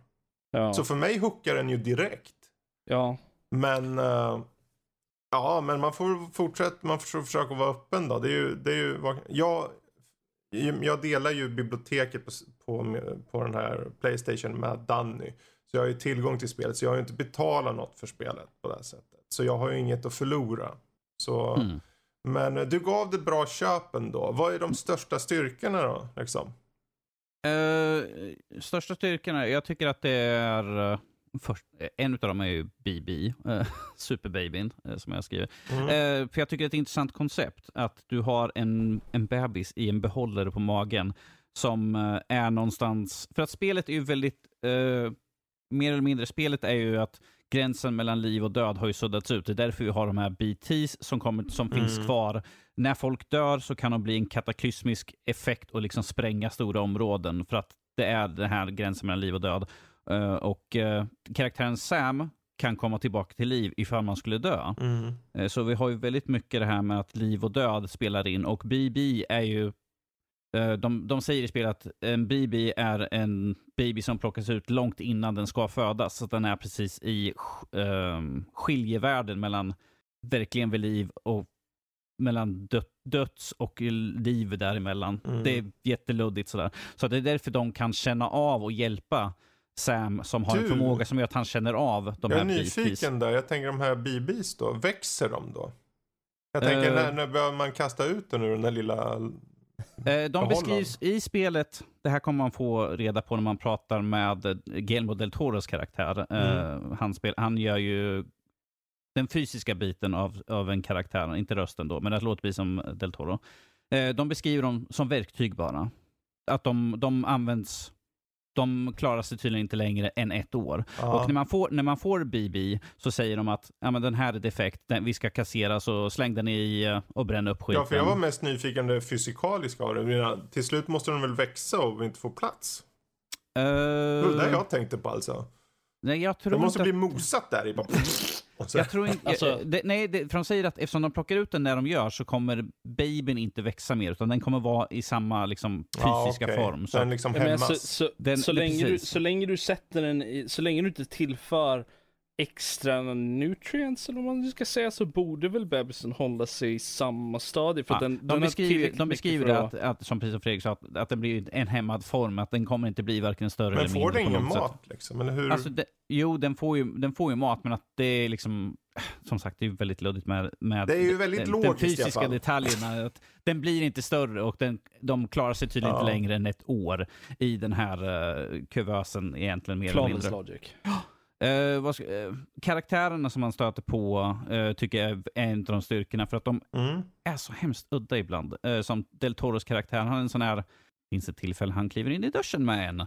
Ehm, så det känns väldigt skumt. Eh, vi har ju eh, Mama, eh, en karaktär där som man får lära känna mer och mer. eh, för att det här är en karaktär som ger en uppdrag eller hjälper en att utveckla saker som man kan få till sig. eh, vapen och alla möjliga sådana här saker. Och man får hela tiden små tidbits när man pratar med dem. De kanske nämner någonting förbi farten eller något sånt där. Sen små saker som man kanske plockar upp på som ger lite mer förståelse till karaktärerna. Och eh, dels för att de är liksom så här realistiskt gjorda till, sett till karaktärsmodellerna. Mm, och sen mm. att vi har eh, kanske röster från de större skådespelarna. Del Toro här gjorde inte sin egen röst, men att det låter precis som honom. Så det, jag tycker att det tillför och gör lite mer realism till karaktärerna. Plus att de, till skillnad från en sån här platt skriven karaktär, att ja, men han är sur hela tiden, han är så här. För det, då blir ju endimensionella karaktärer, medan de här har brister som gör att de känns realistiska. De Mm. känns mänskliga på något sätt. Så det tycker jag är ett bra gjort. Eh, sen tycker jag om den här online-delen med spelet. Att du är egentligen online med alla andra spelare Mm. samtidigt. Men ändå inte. För att när du kopplar upp ett område till nätverket eh, så kan du se vad andra spelare har gjort. Folk kan lämna skyltar och sånt där efter sig. Det typ ger tummen upp eller liksom go BB och sådana där saker. Eller så kan man liksom hjälpas åt. För att det finns Stegar och rep va? Var det inte det? Vad sa du? Stegar och rep. Stegar och rep, ja. Eh, det finns också så att du kan bygga ihop, eh, det finns vägar utspridda som man kan använda komponenter man hittar ute i världen, till exempel metall eh, och sådana saker. Och ifall jag lägger in kanske typ 500 metall igen så kan jag komma tillbaka sen och se att någon annan som spelar har lagt grejer. Så tillsammans så bygger man liksom världen. Folk kan lämna stegar så att man lättare kan ta sig upp. De kan ha ett rep så att jag kan klättra ner. Eh, Man kan se vart andra har gått, att det här är en populärt sätt att ta sig fram. Så att det här måste vara enkelt för att flera använder den här vägen. Så jag tycker att det är intressant på ett... eh, att du, är, du och alla andra som spelar hjälps åt egentligen på ett väldigt skumt metafysiskt sätt. Att vi hjälps åt fast vi inte är i samma värld egentligen samtidigt så att säga. Mm. Det tycker jag är rätt intressant. Så det, det är ett nytt sätt att ta sig an spel, att vara online på det. Eh, negativa saker, det är ju som vi sa, de här hemskt repetitiva animationer som du kan skippa dem. Start, skip, men att bara gå och duscha tror jag är tre stycken animationer som du kan hoppa förbi. Det kan ibland fyra eh, också, så att det är väldigt tidskrävande och när man gör vissa saker. Ja. När du lämnar en last till exempel så ska du se han tar och lägger in sakerna istället. Sen ska du åka iväg och sen ska någon komma och prata och sen ska man när man går därifrån eller åker ner i basen så ser man honom åka Alltså ner. jag och det- förstår ju det också, att det Ja. skapar ju en form av filmisk känsla, så Och- är det och- ju. Men, Precis, eh, men när, för det här är ett väldigt långt spel, när jag sett if- ifall man ser det tio gånger så tröttnar man och jag har sett det hundratals gånger nu. Mm.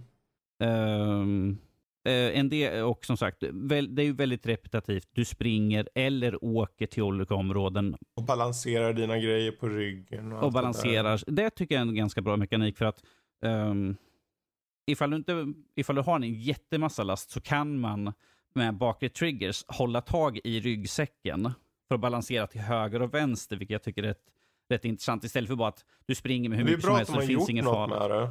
Sen Ja. behöver inte, jag tycker inte det är kul för det. Nej, men alltså jag tycker Men, att det är kul att de eh, har lagt till den funktionaliteten, att det känns mer att jag hjälper till och styra Det ger ju mer tyngd till eh, upplevelsen i alla fall. Mm. Ehm, jag har tänkt på, som när de har, ibland när man är ute och springer så kommer det sån här, kommer det musik igång. Yes. Eh, och spelar väldigt, väldigt bra musik. Måste jag säga. Väldigt bra musik. Särskilt första låten, vad nu det var. Det kom jag på. Jag har inte skrivit med. Ja, jag har glömt att lägga till det. Det skulle jag lägga till. Bra Vad- musik. Jaha. På min recension. jag Jaha, ja, glömde men helt bort musik. folk. Nu hör folk. Ja, nej, det är jättebra musik. Alltså, väldigt många av låtarna är Men det jag suveränt bra. tänkte på, för många har ju så här varit jätteglada över musiken. Och musiken är bra. Ja. Och man bara, ja men det här är så jättebra. Men för mig kändes det som när jag spelade som att nu vet de inte riktigt vad, de vet inte vad de ska göra med mig nu. De, de bara, här, ta, ta och lyssna på lite musik. Det blir en skön eh, vandring ute i fjällen här. Eller något sånt. Som att de fyller i det på ett sätt för att försöka få bort dig från tanken om att nu är det bara Jag, gå, jag, springer, gå, jag springer över en gå. slänt igen. och sen upp för en vägg. Och så gå, gå, gå, gå, gå. Som att de försöker eh, dölja där lite. Men titta vad naturvänligt och fint det vart nu. Jag bara, okej det är karga berg och det är lite halvtråkiga miljöer.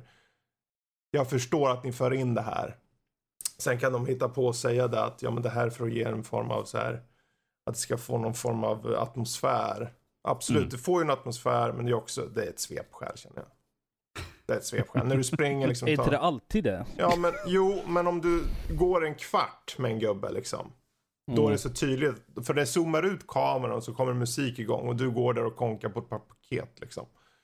Det är en sak Mm. om det hade tagit tre minuter att gå från punkt till punkt till punkt. Eh, så att blir lite så här. Jag tycker ju, för mig så är det, jag tycker om att bocka av grejer. Så jag, ser, jag vill ju se hur det, hur det liksom levlar typ. Hur man utvecklar karaktären och vad storyn tar vägen. Så det blir intressant att följa upp. Mm. Intressant. Eh, men eh, bra köp gav det där i alla fall. Så det är Yes. värt att titta på. Som sagt, Ja. det är ju för dig som tycker om att ut och springa och leverera paket. Men, eh, men som sagt, Den nej, alltså, skämt, skämt, skämt, skämt åsido. Jag tycker att det är för dig som tycker om en eh, lite udda storyline. eh, för att det, är extremt udda Ja, det kan jag säga. Precis som med Star Wars Jedi Fallen Order. Det här är ett spel som inte är för andra. För alla. Nej, nej, nej, det här är Ehm, definitivt inte för alla. Eh, och- det här gäller ju att vara rätt person. Ja. För att du, Och, det, och det, då tycker jag att alla som, det finns vissa som tycker att det är det sämsta spel som någonsin har gjorts. Och det finns vissa som säger att det är det bästa som har hänt sedan skivat eh, bröd. Liksom. eh, men jag, jag skulle säga någonstans i mitten att det, det, det har intressanta koncept hittills vad jag har sett. Och jag är nyfiken på vad det tar vägen. Men det är absolut inte det bästa som har hänt någonsin. nej, Absolut det, är det inte, var det är jag- inte det bästa, det är inte det sämsta heller. Så. Det hamnar någonstans mitt emellan. Det är lite, eh, det Ja. är okej. Eh, Om vi liksom, säger så här, jag var ju väldigt nonplust liksom, när jag påbörjade spela och körde de första, liksom bara springa Mm. där. Det var ju liksom, så jag bara, är det här allt? Det är väl också Ja. det att eh, nackdelarna blir uttagna av fördelarna efter ett tag. Liksom. Att det, det blir en balans. Som att det kan, Mm. Först kanske man ser de här svagheterna bara för mycket och sen så plötsligt så det bara fördelar istället. Liksom styrkor. Mm. Så, ja, Det kan bli intressant att höra dig längre fram och se vad du tycker. absolut. Jag ska försöka lira den nu i december. Tänkte jag. Mm. Ehm, och vi får väl se, för jag tänkte just angående det här spelet, eller egentligen spel överlag. Vi har ju den här tjänsten eh, Playstation Now. Som jag tänker den här kanske kan komma en vacker dag på Playstation Now. Som den här prenumerationstjänster. Ja. Och eh, vilket för mig osagt in på Game Pass då. För vi har en frågeställning just angående Game Pass och Xbox. Nu för att bara vända båten åt ett helt annat håll. Ehm, har Game Pass räddat Xbox One? Vi har ju, vi har ju nästan predikat om Xbox eh, Game Pass. Men eh, hur stor egentligen förändring har det skett hos Xbox? Eller just synsättet på Xbox, känner ni? Eh, om, om du menar då bara Game Pass? Ja. Då. Eh, om jag skulle försöka säga Game Pass så tror jag att räddat är väl väldigt starkt, men jag skulle säga att det här är någonting som tillför så extremt mycket för, de, för en relativt liten summa egentligen per månad. För du får ju, ifall du är gamer som vill ha mycket variation och väldigt olika spel så är det här perfekt för den Mm. egentligen. ju. För att vi var ju iväg på Iddet Xbox Ja. och testade på spel och sen var det bara några dagar senare så var det Ja men det här spelet är ute. Va? Vi testade på det bara för typ två, två år sedan och de, skulle, Mm. de visade ju bara upp då att de här kommer någon gång. För det var ju aldrig sagt att då kommer de här spelen. Det var ju mer att bara någon dag senare bara Du vet det här spelet testade jag va? Ja, det är ute nu. Bara, Va? Jaså? Okej. så spel släpps hela tiden så att jag tycker att den tjänsten eh, gör sig väldigt väl. Och ifall man har Ultimate så kan du köra, gå emellan på, och köra på spel och ta med spaningarna över ju. Eh, på Play Anywhere-titlarna där ju. Alla har ju inte det. Så jag tycker att det är ju väldigt bra funktionalitet där i alla fall. Jag skulle önska att alla fanns både på PC och eh, Xboxen. Man kunde gå emellan ifall man kände liksom att ah, men nu vill jag sitta framför datorn och spela. ja, vissa gör ju det. Vissa är ju de här Xbox eh, Play Anywhere. Um, Så de har ju både save och allting, bara flytta rakt över. Men absolut, Yes. jag håller med dig helt där. Ehm, men eh, vad, vad säger du Rob om eh, Game Pass? Så jag håller ju med om att rädda är nog lite starkt, tror jag. Jag tror att Xbox var ju, Xbox One var ju på väg uppåt i och med massor med förändringar och sånt där de hade gjort redan och jag tror att Game Pass var nog lite cherry on top. eh, om man ska säga så. Ehm, att det var, det var liksom en slutkläm på något sätt. Mm. eh, med det, där det verkligen gav någonting extra. Ehm, och jag tycker, det, jag tycker det är helt okej. liksom. jag, jag tycker det är bra tjänst. Mm. Och jag tror att av de tjänster som existerar som är lika liknande i dagsläget så tror jag att Game Pass är nog den bästa av dem. Mm. Ja, absolut. Eh, och den har ju då, de har ju fördelen då med Play Anywhere och även liksom över att det finns på PC och Xbox. Och så att du, du har ju större möjligheter än med bara till exempel PC, Playstation Now och så. Ehm, och jag är väldigt tacksam för jag hade ju aldrig kunnat köra till exempel The Outer Mm. Worlds eller så om jag inte hade haft Game Pass. Eh, för Game Pass var typ lite över en hundring i månaden. Ja, något sånt. Eh, och du får tillgång till en mängd med spel som jag vet att jag aldrig skulle ha kört annars. På grund av att jag skulle inte haft råd att köpa dem. Exakt. Eh, eller liksom möjlighet, eller liksom jag hade nog aldrig velat lägga ut pengarna på någonting som jag inte var säker på att jag ville spela, om man säger så. Mm. Eh, så man har ju möjlighet att testa på spel som man kanske inte är säker på att man själv ehm, är villig att lägga ut pengar på, Mm. vanligtvis. Eh, vilket gör ju att man kanske, kanske lägger ut mer pengar vid något senare tillfälle. Exakt. ehm, på liknande saker. Så att, eh, jag tror att det är en bra tjänst. Jag skulle vilja att de eh, var lite... eh, jag vet inte, det, man, det, det jag vill säga är ju det att de att, att jag skulle vilja att de hade fler spel som jag vill spela. Eh, vilket låter ju så... Ja, ja. ja, de har ju bara ett par hundra eller vad det är. Så det, det räcker. Ja, men jag, jag sitter och tittar på jag kollar igenom Och listan. alla deras det- första partstitlar kommer ut på release på Ja. den. Jo, men det är ju det. Eh, och jag är lite så, men det, det är det som får mig att känna att det är lite dumt att säga så. Men att det är ändå någonting som Jävla jag själv... bortskämd Rob. Ja, jag vet. Så här, first world Jag, problems. jag, Ja, jag säger så, jag, jag är en del av skulden att du är så jävla bortskämd. Ja, men Star Wars Jedi Fallen Order finns inte på Game Pass, så Nej, jag är du, upprörd. det, Ja, jag är väldigt upprörd över det. ja, Nej, men det, jag, jag tycker det, det är en...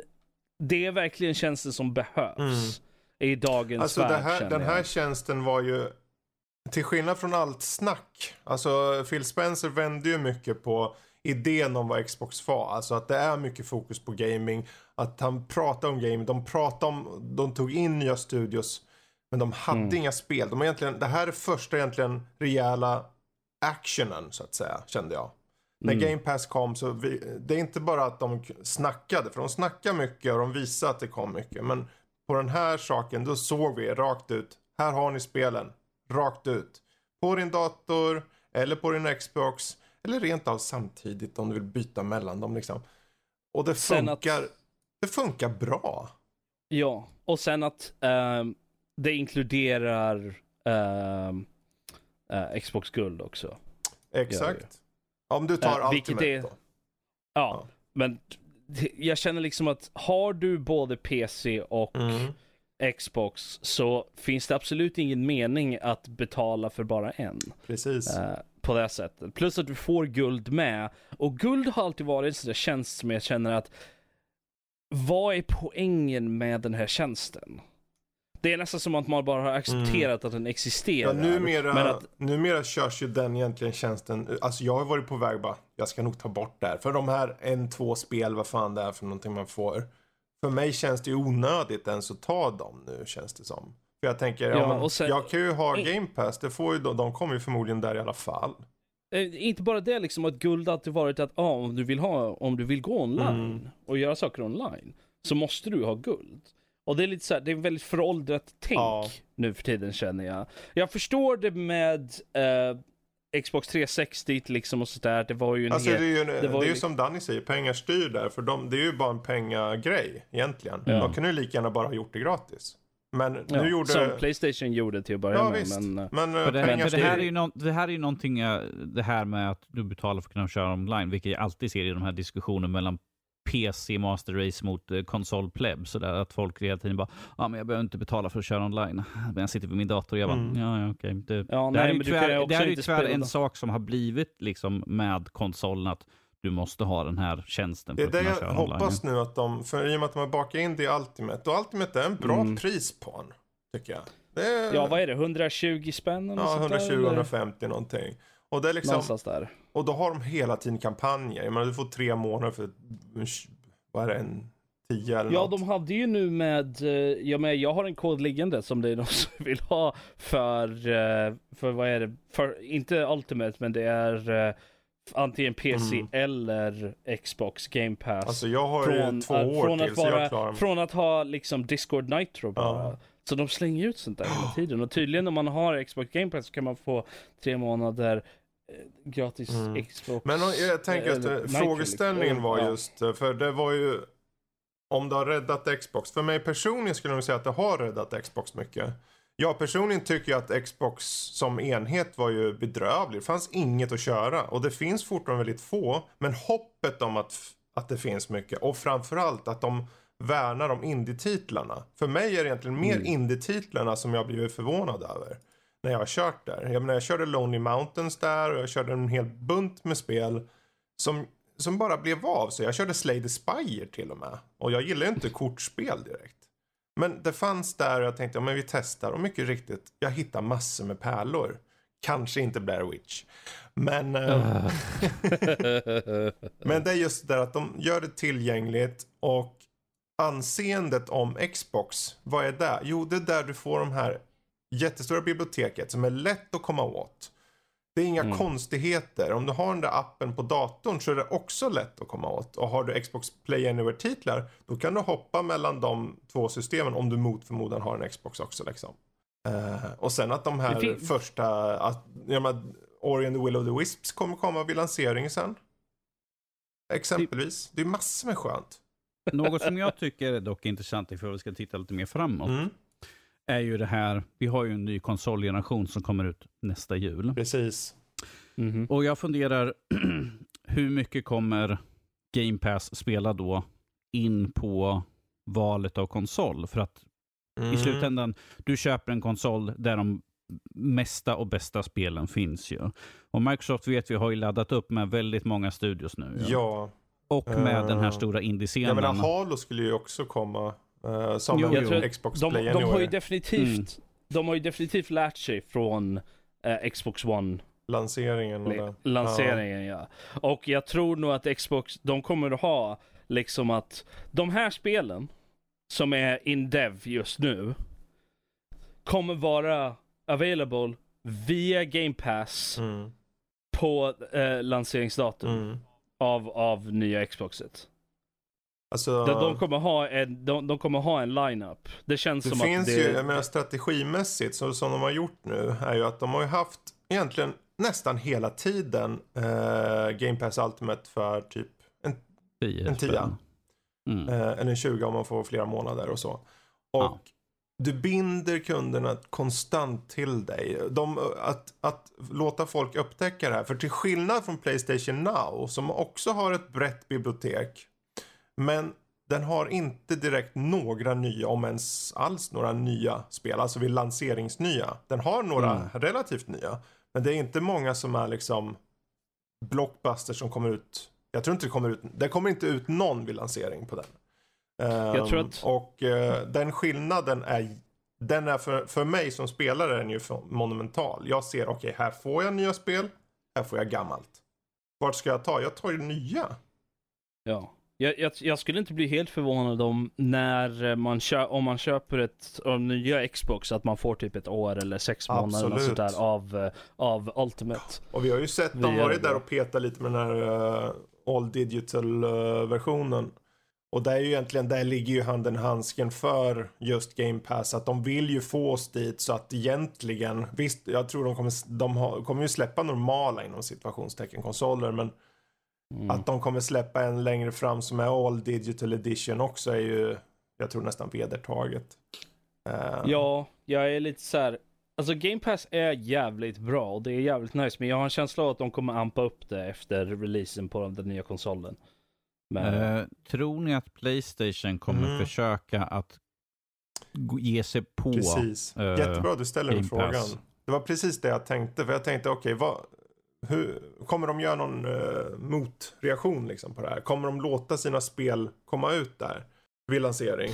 Jag, jag tror inte det. Jag tror att de, Nej. de, vet, de vet vad de har på hand. Och det är ju oftast så pass... Alltså de har ju sådana spel...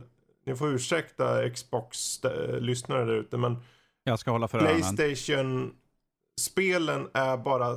De är, de är sådana spel som man bara, "Åh, det här, det här, jag måste köpa Playstation för det här spelet. Det känns som Ja, att nej, de, men, nej, men jag, för den här jag, jag generationen det. hittills i alla fall. Ja. Nej men alltså jag, Ja. ja. alltså Playstation må gå sin väg men jag tror att de gör det med rätta än så länge. Men allt hänger ju på är- nästa generation. För det, det vi ser nu, det är ju att folk, eller rättare sagt de här två, de ampar upp, de visar vad de har, se, Mm. eh, de har öppnat upp för, mm, vad heter det, multi... Cro- cross-platform. cross-platforming och allting nu. För att nu, året innan, nu, nu gäller det. De ska, de ska låsa in sina spelare redan nu så att de är redo att köpa det som kommer. Och de behöver ha, alltså nästa E3. Det handlar om att etablera vilka spel och varför ska ni ta Playstation 5 eller Xbox, vad nu den heter. Som du säger, E3, det kommer ju Mm. vara värsta boxingfighten där. Liksom, verkligen så här mixed martial arts eller vad man nu ska säga. Ja. Uh, för vem som, vem som kommer vinna. För jag menar, när vi, vi såg ju det innan launchen för Xbox eh, One och Playstation 4. Att där hade man ju liksom, klar vinnare var ju Playstation Mm. där liksom. Att man såg liksom att okej, ja, Microsoft done fucked up Mm. här. Men nu vet de Och- bättre. Jag, Jo men det är det, Det jag säger. De, de se. har ju, de vet Å verkligen sidan- det och jag känner att alltså jag tror att båda vet ju om vad som gäller. Så Jo, men jag, Det- tror, jag ser verkligen fram Ja, emot, jag ser verkligen fram emot Microsoft presenta- Xbox jag ser fram presentationen. emot båda, E3. båda sjukt Jo, jo, mycket jag- verkligen. jag- och jag tror... Jo, men jag, jag vill se, jag vill se, liksom, jag vill se Microsoft, jag vet inte, det är lite så här att jag, jag sitter nästan lite och hejar på Microsoft faktiskt. Mm. Lite så här, jag vet inte varför. Ja men de har ju varit inte- underdogs nu. Jag menar de har, Ja. de har ju varit, inte skit, men eller ja, de har ju varit dåliga på att ge oss spel. Det är ju faktum. Eh, Ja. Och de kan ju ha en bra konsol och de kan släppa en Xbox One X. Men det hjälper inte om man inte har uh, något spel. Men nu, Men det som du säger, de har ju snappat upp studios, de Mm. har ju verkligen, de, de är det på väg gäller ju att de jag. studiorna som är redo nu. Eh, om, om jag spinner lite grann på din, att Microsoft kan ju bli väldigt intressant för att vi har ingen aning, förutom Halo, har vi inte riktigt Mm. koll på vilka se- spelserier de kommer slänga fram. Eh, på, för Playstation 5 kan de ju slänga upp liksom, ja, men God of. War och Uncharted och allt sånt där, såna här som men är det- hits. Medan de enda vi vet riktigt ordentligt är ju ja men, Halo. Mm. Jo men det är det jag menar liksom att man vet, vi vet ju. Rent, rent, bara från de senaste tio generationerna liksom att vi vet att Playstation kommer komma med bra spel. Xbox nu, jag känner just för Xbox, om, de, om deras E3 är, är halvdant eller bara okej. Om de visar upp det liksom, det Halo igen och sen är det kanske en titel, stor titel och sen resten små indies. Då tänker jag, uh-oh, uh-oh, ni måste ha spelen klara för Playstation vet vad de har, precis som du säger Rob. Och jag Ja. tänker att folk vet om det. Så de, deras line-up när de väl, om det nu är på E3 eller om det faktiskt är senare på året. Den måste vara supersolid. Du ska inte längre, för folk velade ju uppenbarligen vid Xbox One-lanseringen. Med Mm. rätta. Och där, där vill de inte hamna igen. Men eh, ja, det är spännande. Det blir ett spännande år att se. Det blir tufft, tufft nästa år. Ja. Eh, och jag tänkte, just angående, vi går tillbaka till lite spel. Du har ju kört lite, jag vill ha lite första intryck om man så säger. Först och första, Pokémon Sword tänkte jag vi skulle snacka om. Uh, Det var lite hopp där, men ja. Jag hoppar lite, lite grann här nu. Ja, vad är jag typ 35-40 timmar in vid det här laget. Lite första intryck. Ja, Ja, ja, nej, alltså jag har klarat av alla gymmen Mm. har jag gjort, så jag ska gå in i semifinals och sen ska jag slåss mot champion. okej. Men det, det är nog Är inte första över 10 sen timmarna. liksom, eller vad händer då? Du, jag vet inte. Ingen aning. Jag, mina polare har inte sagt någonting, de är längre fram än Ah, vad jag är. Men de har inte sagt någonting och jag vill inte fråga heller för jag vill se lite själv. För storyn hittills har varit lite intressant har den varit. Så så Vad är handlar lite det om så här, "Mm, Fånga Pokémon. Jag kan det här. Alltså spelet rent krasst går ju egentligen går ju ut på det. Alltså du ska fånga Pokémon. Mm. Du Men ska bli the very best liksom, like no one ever Ja. was. Är det bara det här Eh, upp i den här Pokémon. turneringen och hålla på liksom? Ja det är, det är det som egentligen är din där, liksom. personliga, din personliga story. För jag känner lite att det finns två stories Håll i det här kort spelet. Okej, så din personliga story är att du ska bli du ska gå in i the Pokémon Mm. League liksom och slåss mot champion och bli the very best som sången säger Mm. liksom. Men eh, den, den större storyn ligger i då att eh, folk håller på, det saker med, för i den här regionen så finns det någonting som heter Gigantimaxing, tror jag om det heter, eller Dynamaxing. Vilket gör att du kan utnyttja någon form av energi till att göra din Pokémon eh, bauta stor. Eh, vilket Ja, gör att den blir kraftfullare och, och sådana grejer. Ja.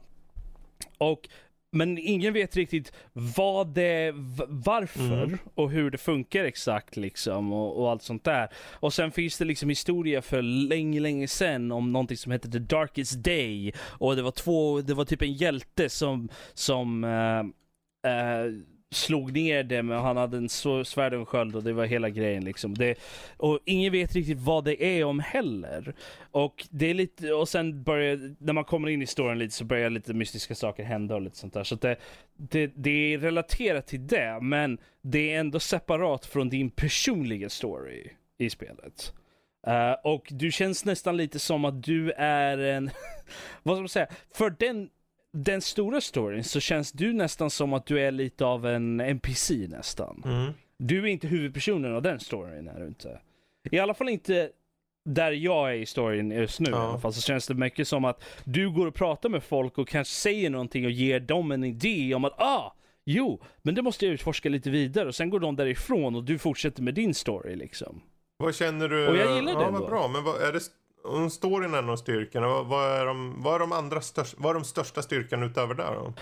Alltså jag tror nog att stor- det största är ju egentligen att det är på switchen. Egentligen. Du har, för första gången så finns det, po- har du Pokémon på din konsol liksom. Snarare än din handhållna.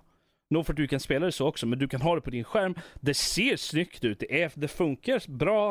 Uh, det enda som har varit lite dodgy är deras servers, eh, deras services liksom, de online-grejerna har varit väldigt dodgy och det har varit nere idag också så att de håller väl på att fixa det nu. Ehm, och det har inte kommit någon patch heller. Det är fortfarande, versionsnumret är fortfarande 0 1.00 liksom. Mm. Så att vi får se om det kommer någonting här i närmsta veckan eller så. Eh, men utöver det så har jag inte sett någonting som har varit liksom game breaking eller dåligt. Och det, det är så trevligt för det här är första spelet där det inte, egentligen inte finns några random encounters. Nej, precis. Vilket har varit en stor, stor grej i de tidigare spelen, att du vet inte om en Pokémon kommer dyka upp eller Mhm. inte. Liksom på det sättet att du går in i ett gräs liksom och sen så får du vandra runt en stund Ja, tills man kan ju se dem där i gräset liksom. Ja, och i Sword and Shield så kan du se dem i gräset, du kan gå upp till dem. Det finns fortfarande en viss del till random encounters, för det finns eh, overworld och non-overworld encounters. Overworld encounters är då när du ser Pokémon van- vandra runt. Då kan gå upp till den, eller den jagar dig kanske till och med, så länge den upptäcker dig liksom och jagar dig. Eller så liksom. Så att du får liksom du får en, en, en sens av vad den Pokémonen är som. Är den aggressiv liksom, eller liksom så. Och sen så kan du vandra runt i gräset eller nära gräset så får du så dyker det upp ett utropstecken så här, tink! Att någon har upptäckt dig, men du kan inte se vad det är och så russlar det runt i gräset. Då kan du springa upp till det. Då är det en non-overworld encounter, alltså en, en, en gömd Pokémon som kan vara lite mer random. Då. En Robbie Tutu hoppar fram. Robbie Toot. Och eh, så det finns fortfarande en liten sens av mystik Mm. där, var, att du inte vet vad, vad du får för någonting. Ehm, men att du har ändå en möjlighet att veta vart det är Mm. någonstans ändå. Så att eh, jag känner att det, det är en väldigt bra sak som de har lagt in här Mm. med det. Jag tycker det är väldigt trevligt. Och jag har inte spelat Pokémon ordentligt sedan generation 2 Mm. liksom. Så att det, det är väldigt annorlunda från, från när jag spelade för typ 15 år sedan. Men, eh, men det är annorlunda på ett bra sätt. Ja. Eh, jag känner att hittills så tycker jag om det. Jag gillar regionen Finns som det det, något är som du hittills anar kanske inte lika starkt så att säga? Jag tror nog att online-segmenten, kooperativ liksom det, jag tror att det kun, de kunde ha lagt lite, lite mer fokus på det tror Ja, jag. okej. Jag tror att det, det hade varit varit trevligare om, och att, för du har liksom, till majoriteten av spelet så är det precis som tidigare spel att du har liksom, du går längs rutterna, Route 1 och allt sånt där. Liksom, så det är väldigt linjärt på det Mhm. sättet. Men att du kommer till ett ställe relativt, väldigt tidigt i spelet som heter Wild Area, som är ett stort öppet område. Där du även kan har, är du online och har online, Nintendo online eller vad det heter Mm. så har du tillgång till eh, så alla andra människor som är i världen liksom, eller på din bit av världen, eller vad man nu, hur man nu ska se det. Eh, jag vet inte hur det funkar riktigt. De dyker upp där som tränare i världen och springer omkring och du kan gå upp till och prata med dem så ger de dig items som är lite Mm. random. Eh, lite random items och sånt där. Du har ingen direkt interaktion med de andra spelarna på det här sättet, men du kan se dem springa runt i världen. Ehm, och eh, det finns vissa så här dens som du kan gå in i där du kan spela med andra spelare och ta ner en så här stor Dynamaxed Pokémon. Mm. Eh, vilket är väldigt coolt. Och sen så kan du såklart spela mot andra, du kan tävla mot dem och så. Eh, så det finns som är link battles och allt sånt där och du kan liksom eh, du kan byta Pokémon med dem och allt sånt där. Så det, det är väldigt, det finns ju fokus på det men jag tror att det, kän, det känns lite som att det här borde ha varit lite mer Mm. av vad spelet var om. Men eftersom det är första outingen av det så kan jag kanske förstå varför ändå. Att de testar Mm. lite. Okej, vi, vill, vi vill testa hur det här funkar och sen så får vi se. Men mm, det, var, det var lite av en, inte en letdown eller besvikelse på det sättet. Utan det var väl mer att, ah, okej det är lite eh bara. Men att det är ändå lite kul. På det sättet. Men, jag har, men personligen så känner jag inte att jag har sett någonting hittills verkligen som som har verkligen varit så här, ah, vad är det här för skit liksom? Eller något sånt där. Mm. Som har varit riktigt negativt. För jag menar, eh, tittar man på det mesta liksom som Pokémon har varit tidigare så, så tror jag att de har ju verkligen gjort mer, ampat upp det. Även om man bara tittar på gym battles liksom. Tidigare så har det alltid varit liksom att du går in i ett gym liksom i ett rum bara så kanske du slåss mot några av deras tränare och sen så går du på gymledaren. Och så slåss ni liksom och du får en gym badge. Här så är det liksom ett event. Är det. Du har liksom en, en gym mission precis innan där de har satt upp någon form av ehm, eh, någon form av obstacle för dig att du ska ta dig igenom och det är annorlunda för varje Mm. gym. Ehm, och sen så får du möta gymledaren. Och då är det liksom, du är inne i en stadio, eh, stadium liksom och det är en stor jävla publik och det är verkligen som ett, som ett liksom typ en fotbollsmatch på det sättet. Är det. Så det är ju Pokémon-världens liksom, fotbollsmatch på det här Vi sättet. får se. Det blir intressant för jag tänker jag, blir, jag kommer ju få nöjet här att recensera det. Så, Du kommer inte undan. Du slipper inte undan bara för att du är boss. Så att Ja, säga. ja sure. Ehm, Mm. Så det är Pokémon Shield där som ska spelas. Eh, jag har bara, jag har typ med tanke på hur mycket man kan spela så har jag väl knappt ens uh, kommit i närheten av sjön med mina tår för att doppa dem i den. Ehm, Du, sträcker, du sträcker på dem. ja. så här. Men jag tror att, ja, nu, nu när jag tänker på det, jag kom på några saker som är lite så här. de är inte så här jättenegativa, men de är lite så här. varför har de gjort så här? Det är två saker. Dels så är det uh, karaktärs-customization. När du startar spelet så har du några presets att välja på. Och det är så din karaktär börjar.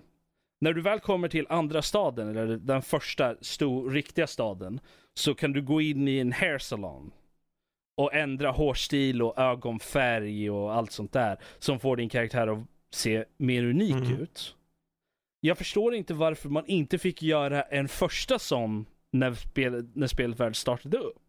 Det känns väldigt konstigt att de, he, även liksom ögonfärg och allt sånt där kan man ändra i en hårsalong.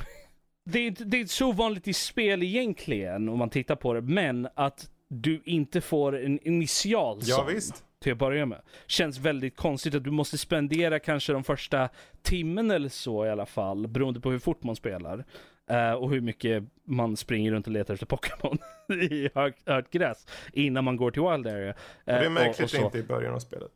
Ja, det är inte bara Och sen den andra grejen är någonting som jag tycker var så bisarrt. Är det att du, när du, när du börjar spelet så har du absolut ingen möjlighet att ändra volym. Överhuvudtaget. Det finns inga sliders överhuvudtaget. Du kan inte ens muta spelet. Såvida du inte gör det via TV, Mhm. men in-game finns det inget sånt. Vad du måste göra är att, och jag kommer spoila det här för det är egentligen ingen spoiler, men det är en dum sak som jag måste poängtera ut om ni lyssnar på det här. När du väl kommer till Motost Mo Motorstock, eh, eller vad, hur staden nu uttalas. Eh, så på Main Street, eh, uppe vid, precis innan man går upp för den första liften där.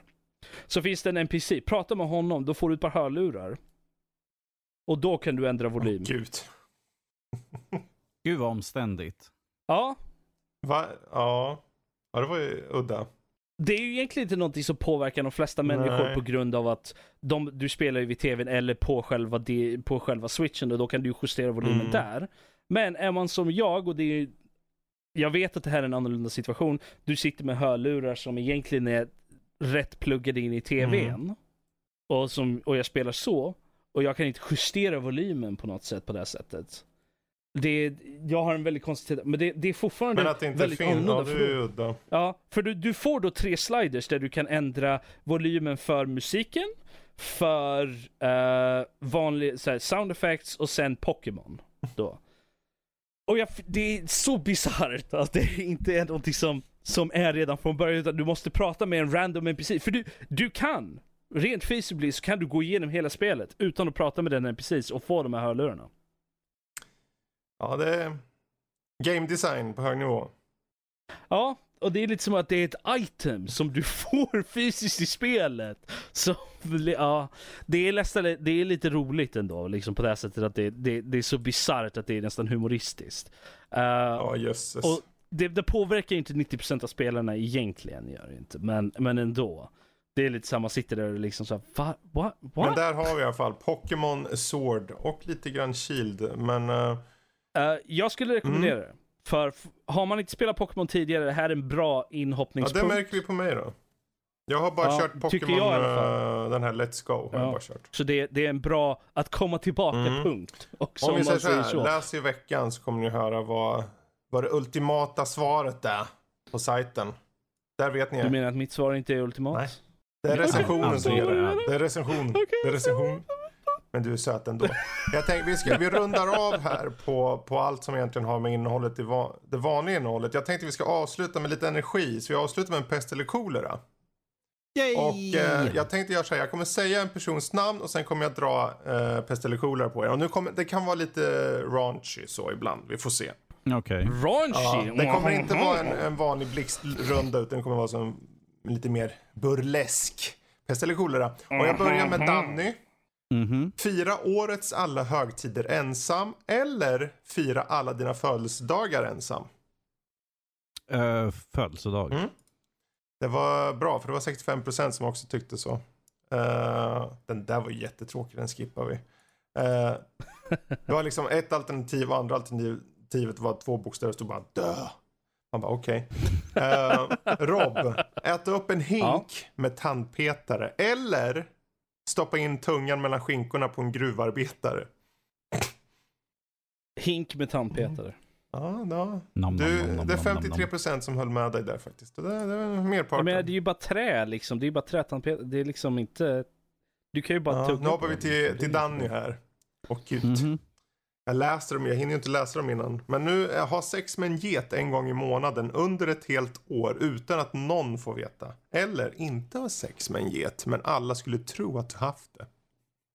Alltså ifall folk ändå kommer tro så kan jag väl lika gärna få lite nöje utav det. Stackars get, säger jag bara. Ja, det säger jag också. Bara, Ja fast, fast frågan var ju från början, den första frågan var ju Nu då att fortsätter vi. ingen Ingen, får vi, veta vi, det. ingen snack nu. Kom igen nu. Nu, nu, nu får du en, Rob. Äta Ja. en hamburgare med korvbröd eller äta en korv med hamburgerbröd. Den var svår. Något. Vänta, en hamburgare med korvbröd eller en korv med hamburgerbröd? Jag skulle nog säga en, en korv med hamburgerbröd. Ja, du ser. Du är 51% Ja, du, du får inte plats med hamburgaren i korvbröd. Nej. Och nej. mula in den. Vi tar Ja, en nej, till till dig Rob. inte rätt. Eh, sätta Okej. takfläkten på högsta effekt efter att du ståendes på en stol fått tungan fastspikat i, i ett av rotorbladen. Eller stoppa in en gaffel i eluttaget. Gaffel i eluttaget. Bra. Då har vi det etablerat. Eh, Den andra är ju betydligt mycket värre är det ju. Det, det värsta som kan hända när du sätter in en gaffel i eluttaget är att du får en chock. Möjligtvis att du dör. och den, Men ja. jag kan inte se att du, du lär inte dö att du av... dör. Ja, men möjligtvis att den är så kraftfull att Ah. du dör alltså. Det, det är ju möjligt att du överlever, så det, det, det är en... Men det, där är det liksom antingen Mm. eller, känner jag mer. Medan tungan fastspikad där, du har ju redan blivit liksom maimad med att du har fått tungan Ja, fastspikad. vi hoppar vidare. Danny. Hoppa fram ett år i ditt liv eller hoppa tillbaka ett år i ditt liv. eh, hoppa tillbaka. Jaså? Ja, det var... Så mycket jag vill göra om. Göra rätt. Gör om, gör rätt. Gör om, gör Ja, rätt. men då tar vi en till till norsken här. Antingen bryta Yes. handleden eller bryta Aha. tre fingrar. Uh, ah, det, gör ont vilket som. Jag kan ta tre fingrar. Mm. Då hoppar vi till Rob här nu. Oj, oj, oj. Den här kanske är lite... Ja, ja. Svår. Det Mhm. kommer typ ja jag tänker mer på Burger kanske King, så- reaktioner från dem. Jag vet inte. Antingen vara Ja, ja. djupt religiös eller vara djupt insatt i poli- politik. Svara rätt nu för fan. Annars får du resten av familjen på Jag skulle säga djupt insatt i politik. Okej, bra. Jaha, eh, nu måste vi bannlysa honom från släktträffar. Ja, för vi är så djupt religiösa i våran släkt är vi. Nej. Eller så djupt Men intresserade Danny, av politik. om du fick välja då. Ja. Sitta i fängelse i ett år eller ligga i koma under tre år. Uh, fängelse, så kanske jag kan träna lite grann och få bort gubbmagen. Något måste jag göra i fängelset just så. Okej, ja. Ta det, Det, det var så Oj, gräsligt att få mig i nu ska form vi ta en- och sitta i fängelse. Den här kanske blir svår. Vi får se vad Rob säger här nu. Eh, Mhm. Antingen rädda ett barns liv, men bli stämplad som pedofil. Eller låta ett barn dö, men bli sedd som en hjälte. Pest eller kolera. Det där är på riktigt pest eller kolera. Ja, Även om det rent grej- moraliskt finns det ju bara ett val, såklart. Men eh, Jag, jag tror att jag tror att det handlar mer, i den frågan så handlar det mer om vad jag skulle kunna leva med. Och jag tror nog att jag skulle snarare kunna leva med att låta barnet dö. Än att leva med att folk Mm. eh, trodde att jag ja, var det är bra, rakt svar, det tycker jag om. Bra. Skulle du, vad säger du Danny? Hur skulle du ha gjort? Rädda barns liv, Eh. bli stämplad som pedo eller låta ett barn dö, bli sedd som hjälte. Eh, alltså, som sagt, pest eller kolera, men jag tror jag skulle ha väldigt svårt att låta ett barn dö bara för att mitt namn ska, inte ska släpa sig i smutsen Mm. så att säga och jag skulle bli sedd på ett visst sätt. Jag tror jag hellre tar att en unge får leva än att, och att jag får kanske ses på ett dåligt sätt. Men jag, tror att för barnets skull så skulle jag nog välja Mm. det i så fall. Även, Alltså, det tror- jag tror att, även fast det stämplar den så jag tror inte jag skulle kunna leva med mig själv ifall jag skulle, ifall jag skulle kunna Mm. ha chans att rädda en unge. Så. Ja. Jag tror, jag tror att det handlar om vem ungen är också. Är det någon som, är det min polares unge liksom? Ja, ja, nej, men personligen så, skulle, så spelar det ingen roll vems unge det, det är. För jag, mig så gör det Ja, det. för För, dig jag är en för mig skulle- ytterst självisk person. du, jag är vet att du är det, men jag tror att skulle jag se liksom att en unge är på väg att dö så tror jag inte det skulle spela Mm. någon roll vems ungen är egentligen. Ja, jag skulle nog vara där Ja. också. Men eh, Robmeister. Eh, antingen Aha. svettas sylt eller gråta jordnötssmör. Det här är, jag såg den här och den bara skrek Rob alltså. Så vad föredrar du att äta snarare? ja, alltså båda, kan jag ta båda? Ah. Ehm, då kan man ju blanda dem, peanut butter Mm. and jam liksom. Men eh, ja, jag tror nog att jag tror nog att gråta jordnötssmör är min, den, den, the lesser of two evil som man säger. För svett är ju över hela kroppen liksom. Medan tårar är ju bara vid ögonen liksom, så det är lättare Man, liksom. man, det, det skulle vara kul att stå bredvid det. Man bara, tycker du det är varmt? Du blir alldeles röd som börjar rinna ifrån sig. Man bara, liksom, ja. Ja, du, du sa aldrig vilken Jag som älskar typ av jordnötssmör, jag skulle vara där och börja slicka vet du. Ja, jag skulle aldrig gråta i närheten av dig då. Du skulle hålla igen. du, du kommer upp så här, vi har slut på jordnötssmör, håller upp Jag känner in en hammaren. nål i stjärten på dig. Du bara, Ja, du bara står och håller. ja. Ja. Tar upp, tar upp hammaren, nu ut med handen. Okej, Danny, nu ska du få en mer normal här. Vad skönt. antingen slicka på en hemlös mans testiklar. Jag tyckte du körde normal. Eller sparka en hemlös man i testiklarna. Jag vill, då tar jag hellre sparka en hemlös man i testiklarna. Stackarn. Ja, men fan. Men det hade ju varit, en Du är så bättre fråga elak. hade Jag vet varit... nog, du skulle ha sagt skaffa ett jobb och så sparkar ni pungen liksom. Fy dig, fy Nej, nej, dig. nej. En, en, en bättre fråga från den hade ju varit antingen slicka en, ma- en hemlös man på testiklarna eller låta en hemlös man slicka dig på testiklarna. Mm. Vad säger du på dö? Ja, då tar jag hellre ett namn slicka på mina testiklar för att Ah. då, bör, då behöver jag bara ta raka av, raka av dem eh, från kroppen sådär. Det att av Ska du raka av testiklarna? Ja, rakt av med en eh, hyvel. Det är kastrering direkt. För, för jag menar, jag, jag, annars måste jag operera Ja. bort halva ansiktet. Ska vi ta en helt... Vi tar en liten till Rob här också, ska vi se. Ehm, Okej. Få en bläckpenna rakt genom knäskålen. Aha. Eller Igen. att själv bita av ett av dina fingrar och svälja den. Uh, penna genom Knäskål. knäskålen, knäskålen tror jag. Ja. Uh. Jag tror det, det, det hade nog Jag varit lättare att leva jag med. tror jag. adderade att svälja det. Det var egentligen inte med. Ja, okej. Ja, nej, men i vilket Mm. fall som Jag tror helst inte så det tror gjorde jag... någon Nej. skillnad sådär. Jag Nej, tänkte, för det- jag det tänkte om gjorde du inte det. av det kan du få tillbaka den eller något. Jag vet inte. Um, Ja. Okej. Ja, fast jag, allt jag behöver göra är att sätta finger, ja, de fingrarna kvar i halsen och sen spy upp skit. Spy upp fingret. Så att jag Ja, menar, inte blir det där det är på. lite... Fre- Fredrik, Fredrik. Ja. Föra in ett tänt tomtebloss i urinröret. Eller klippa av dina tår med en bultsax. Eh, Då blir det nog urinröret. Oh, uh, oh, Mm. uh. Det har jag i alla fall eh, känt av lite grann en gång i tiden. Medan att klippa av tårna, det... Ja, nej. 60% håller med dig. Ja. Men vet ni vad? Jag tror vi rundar av där. Det har varit innehållsfullt, eh, så att säga. Det har inte varit tvärt emot där direkt. Utan eh, vi har bubblat på både åt det ena och andra. Och eh, ja, vi får ju egentligen säga att är det så att ni vill, vill, vart jag väldigt närkings där.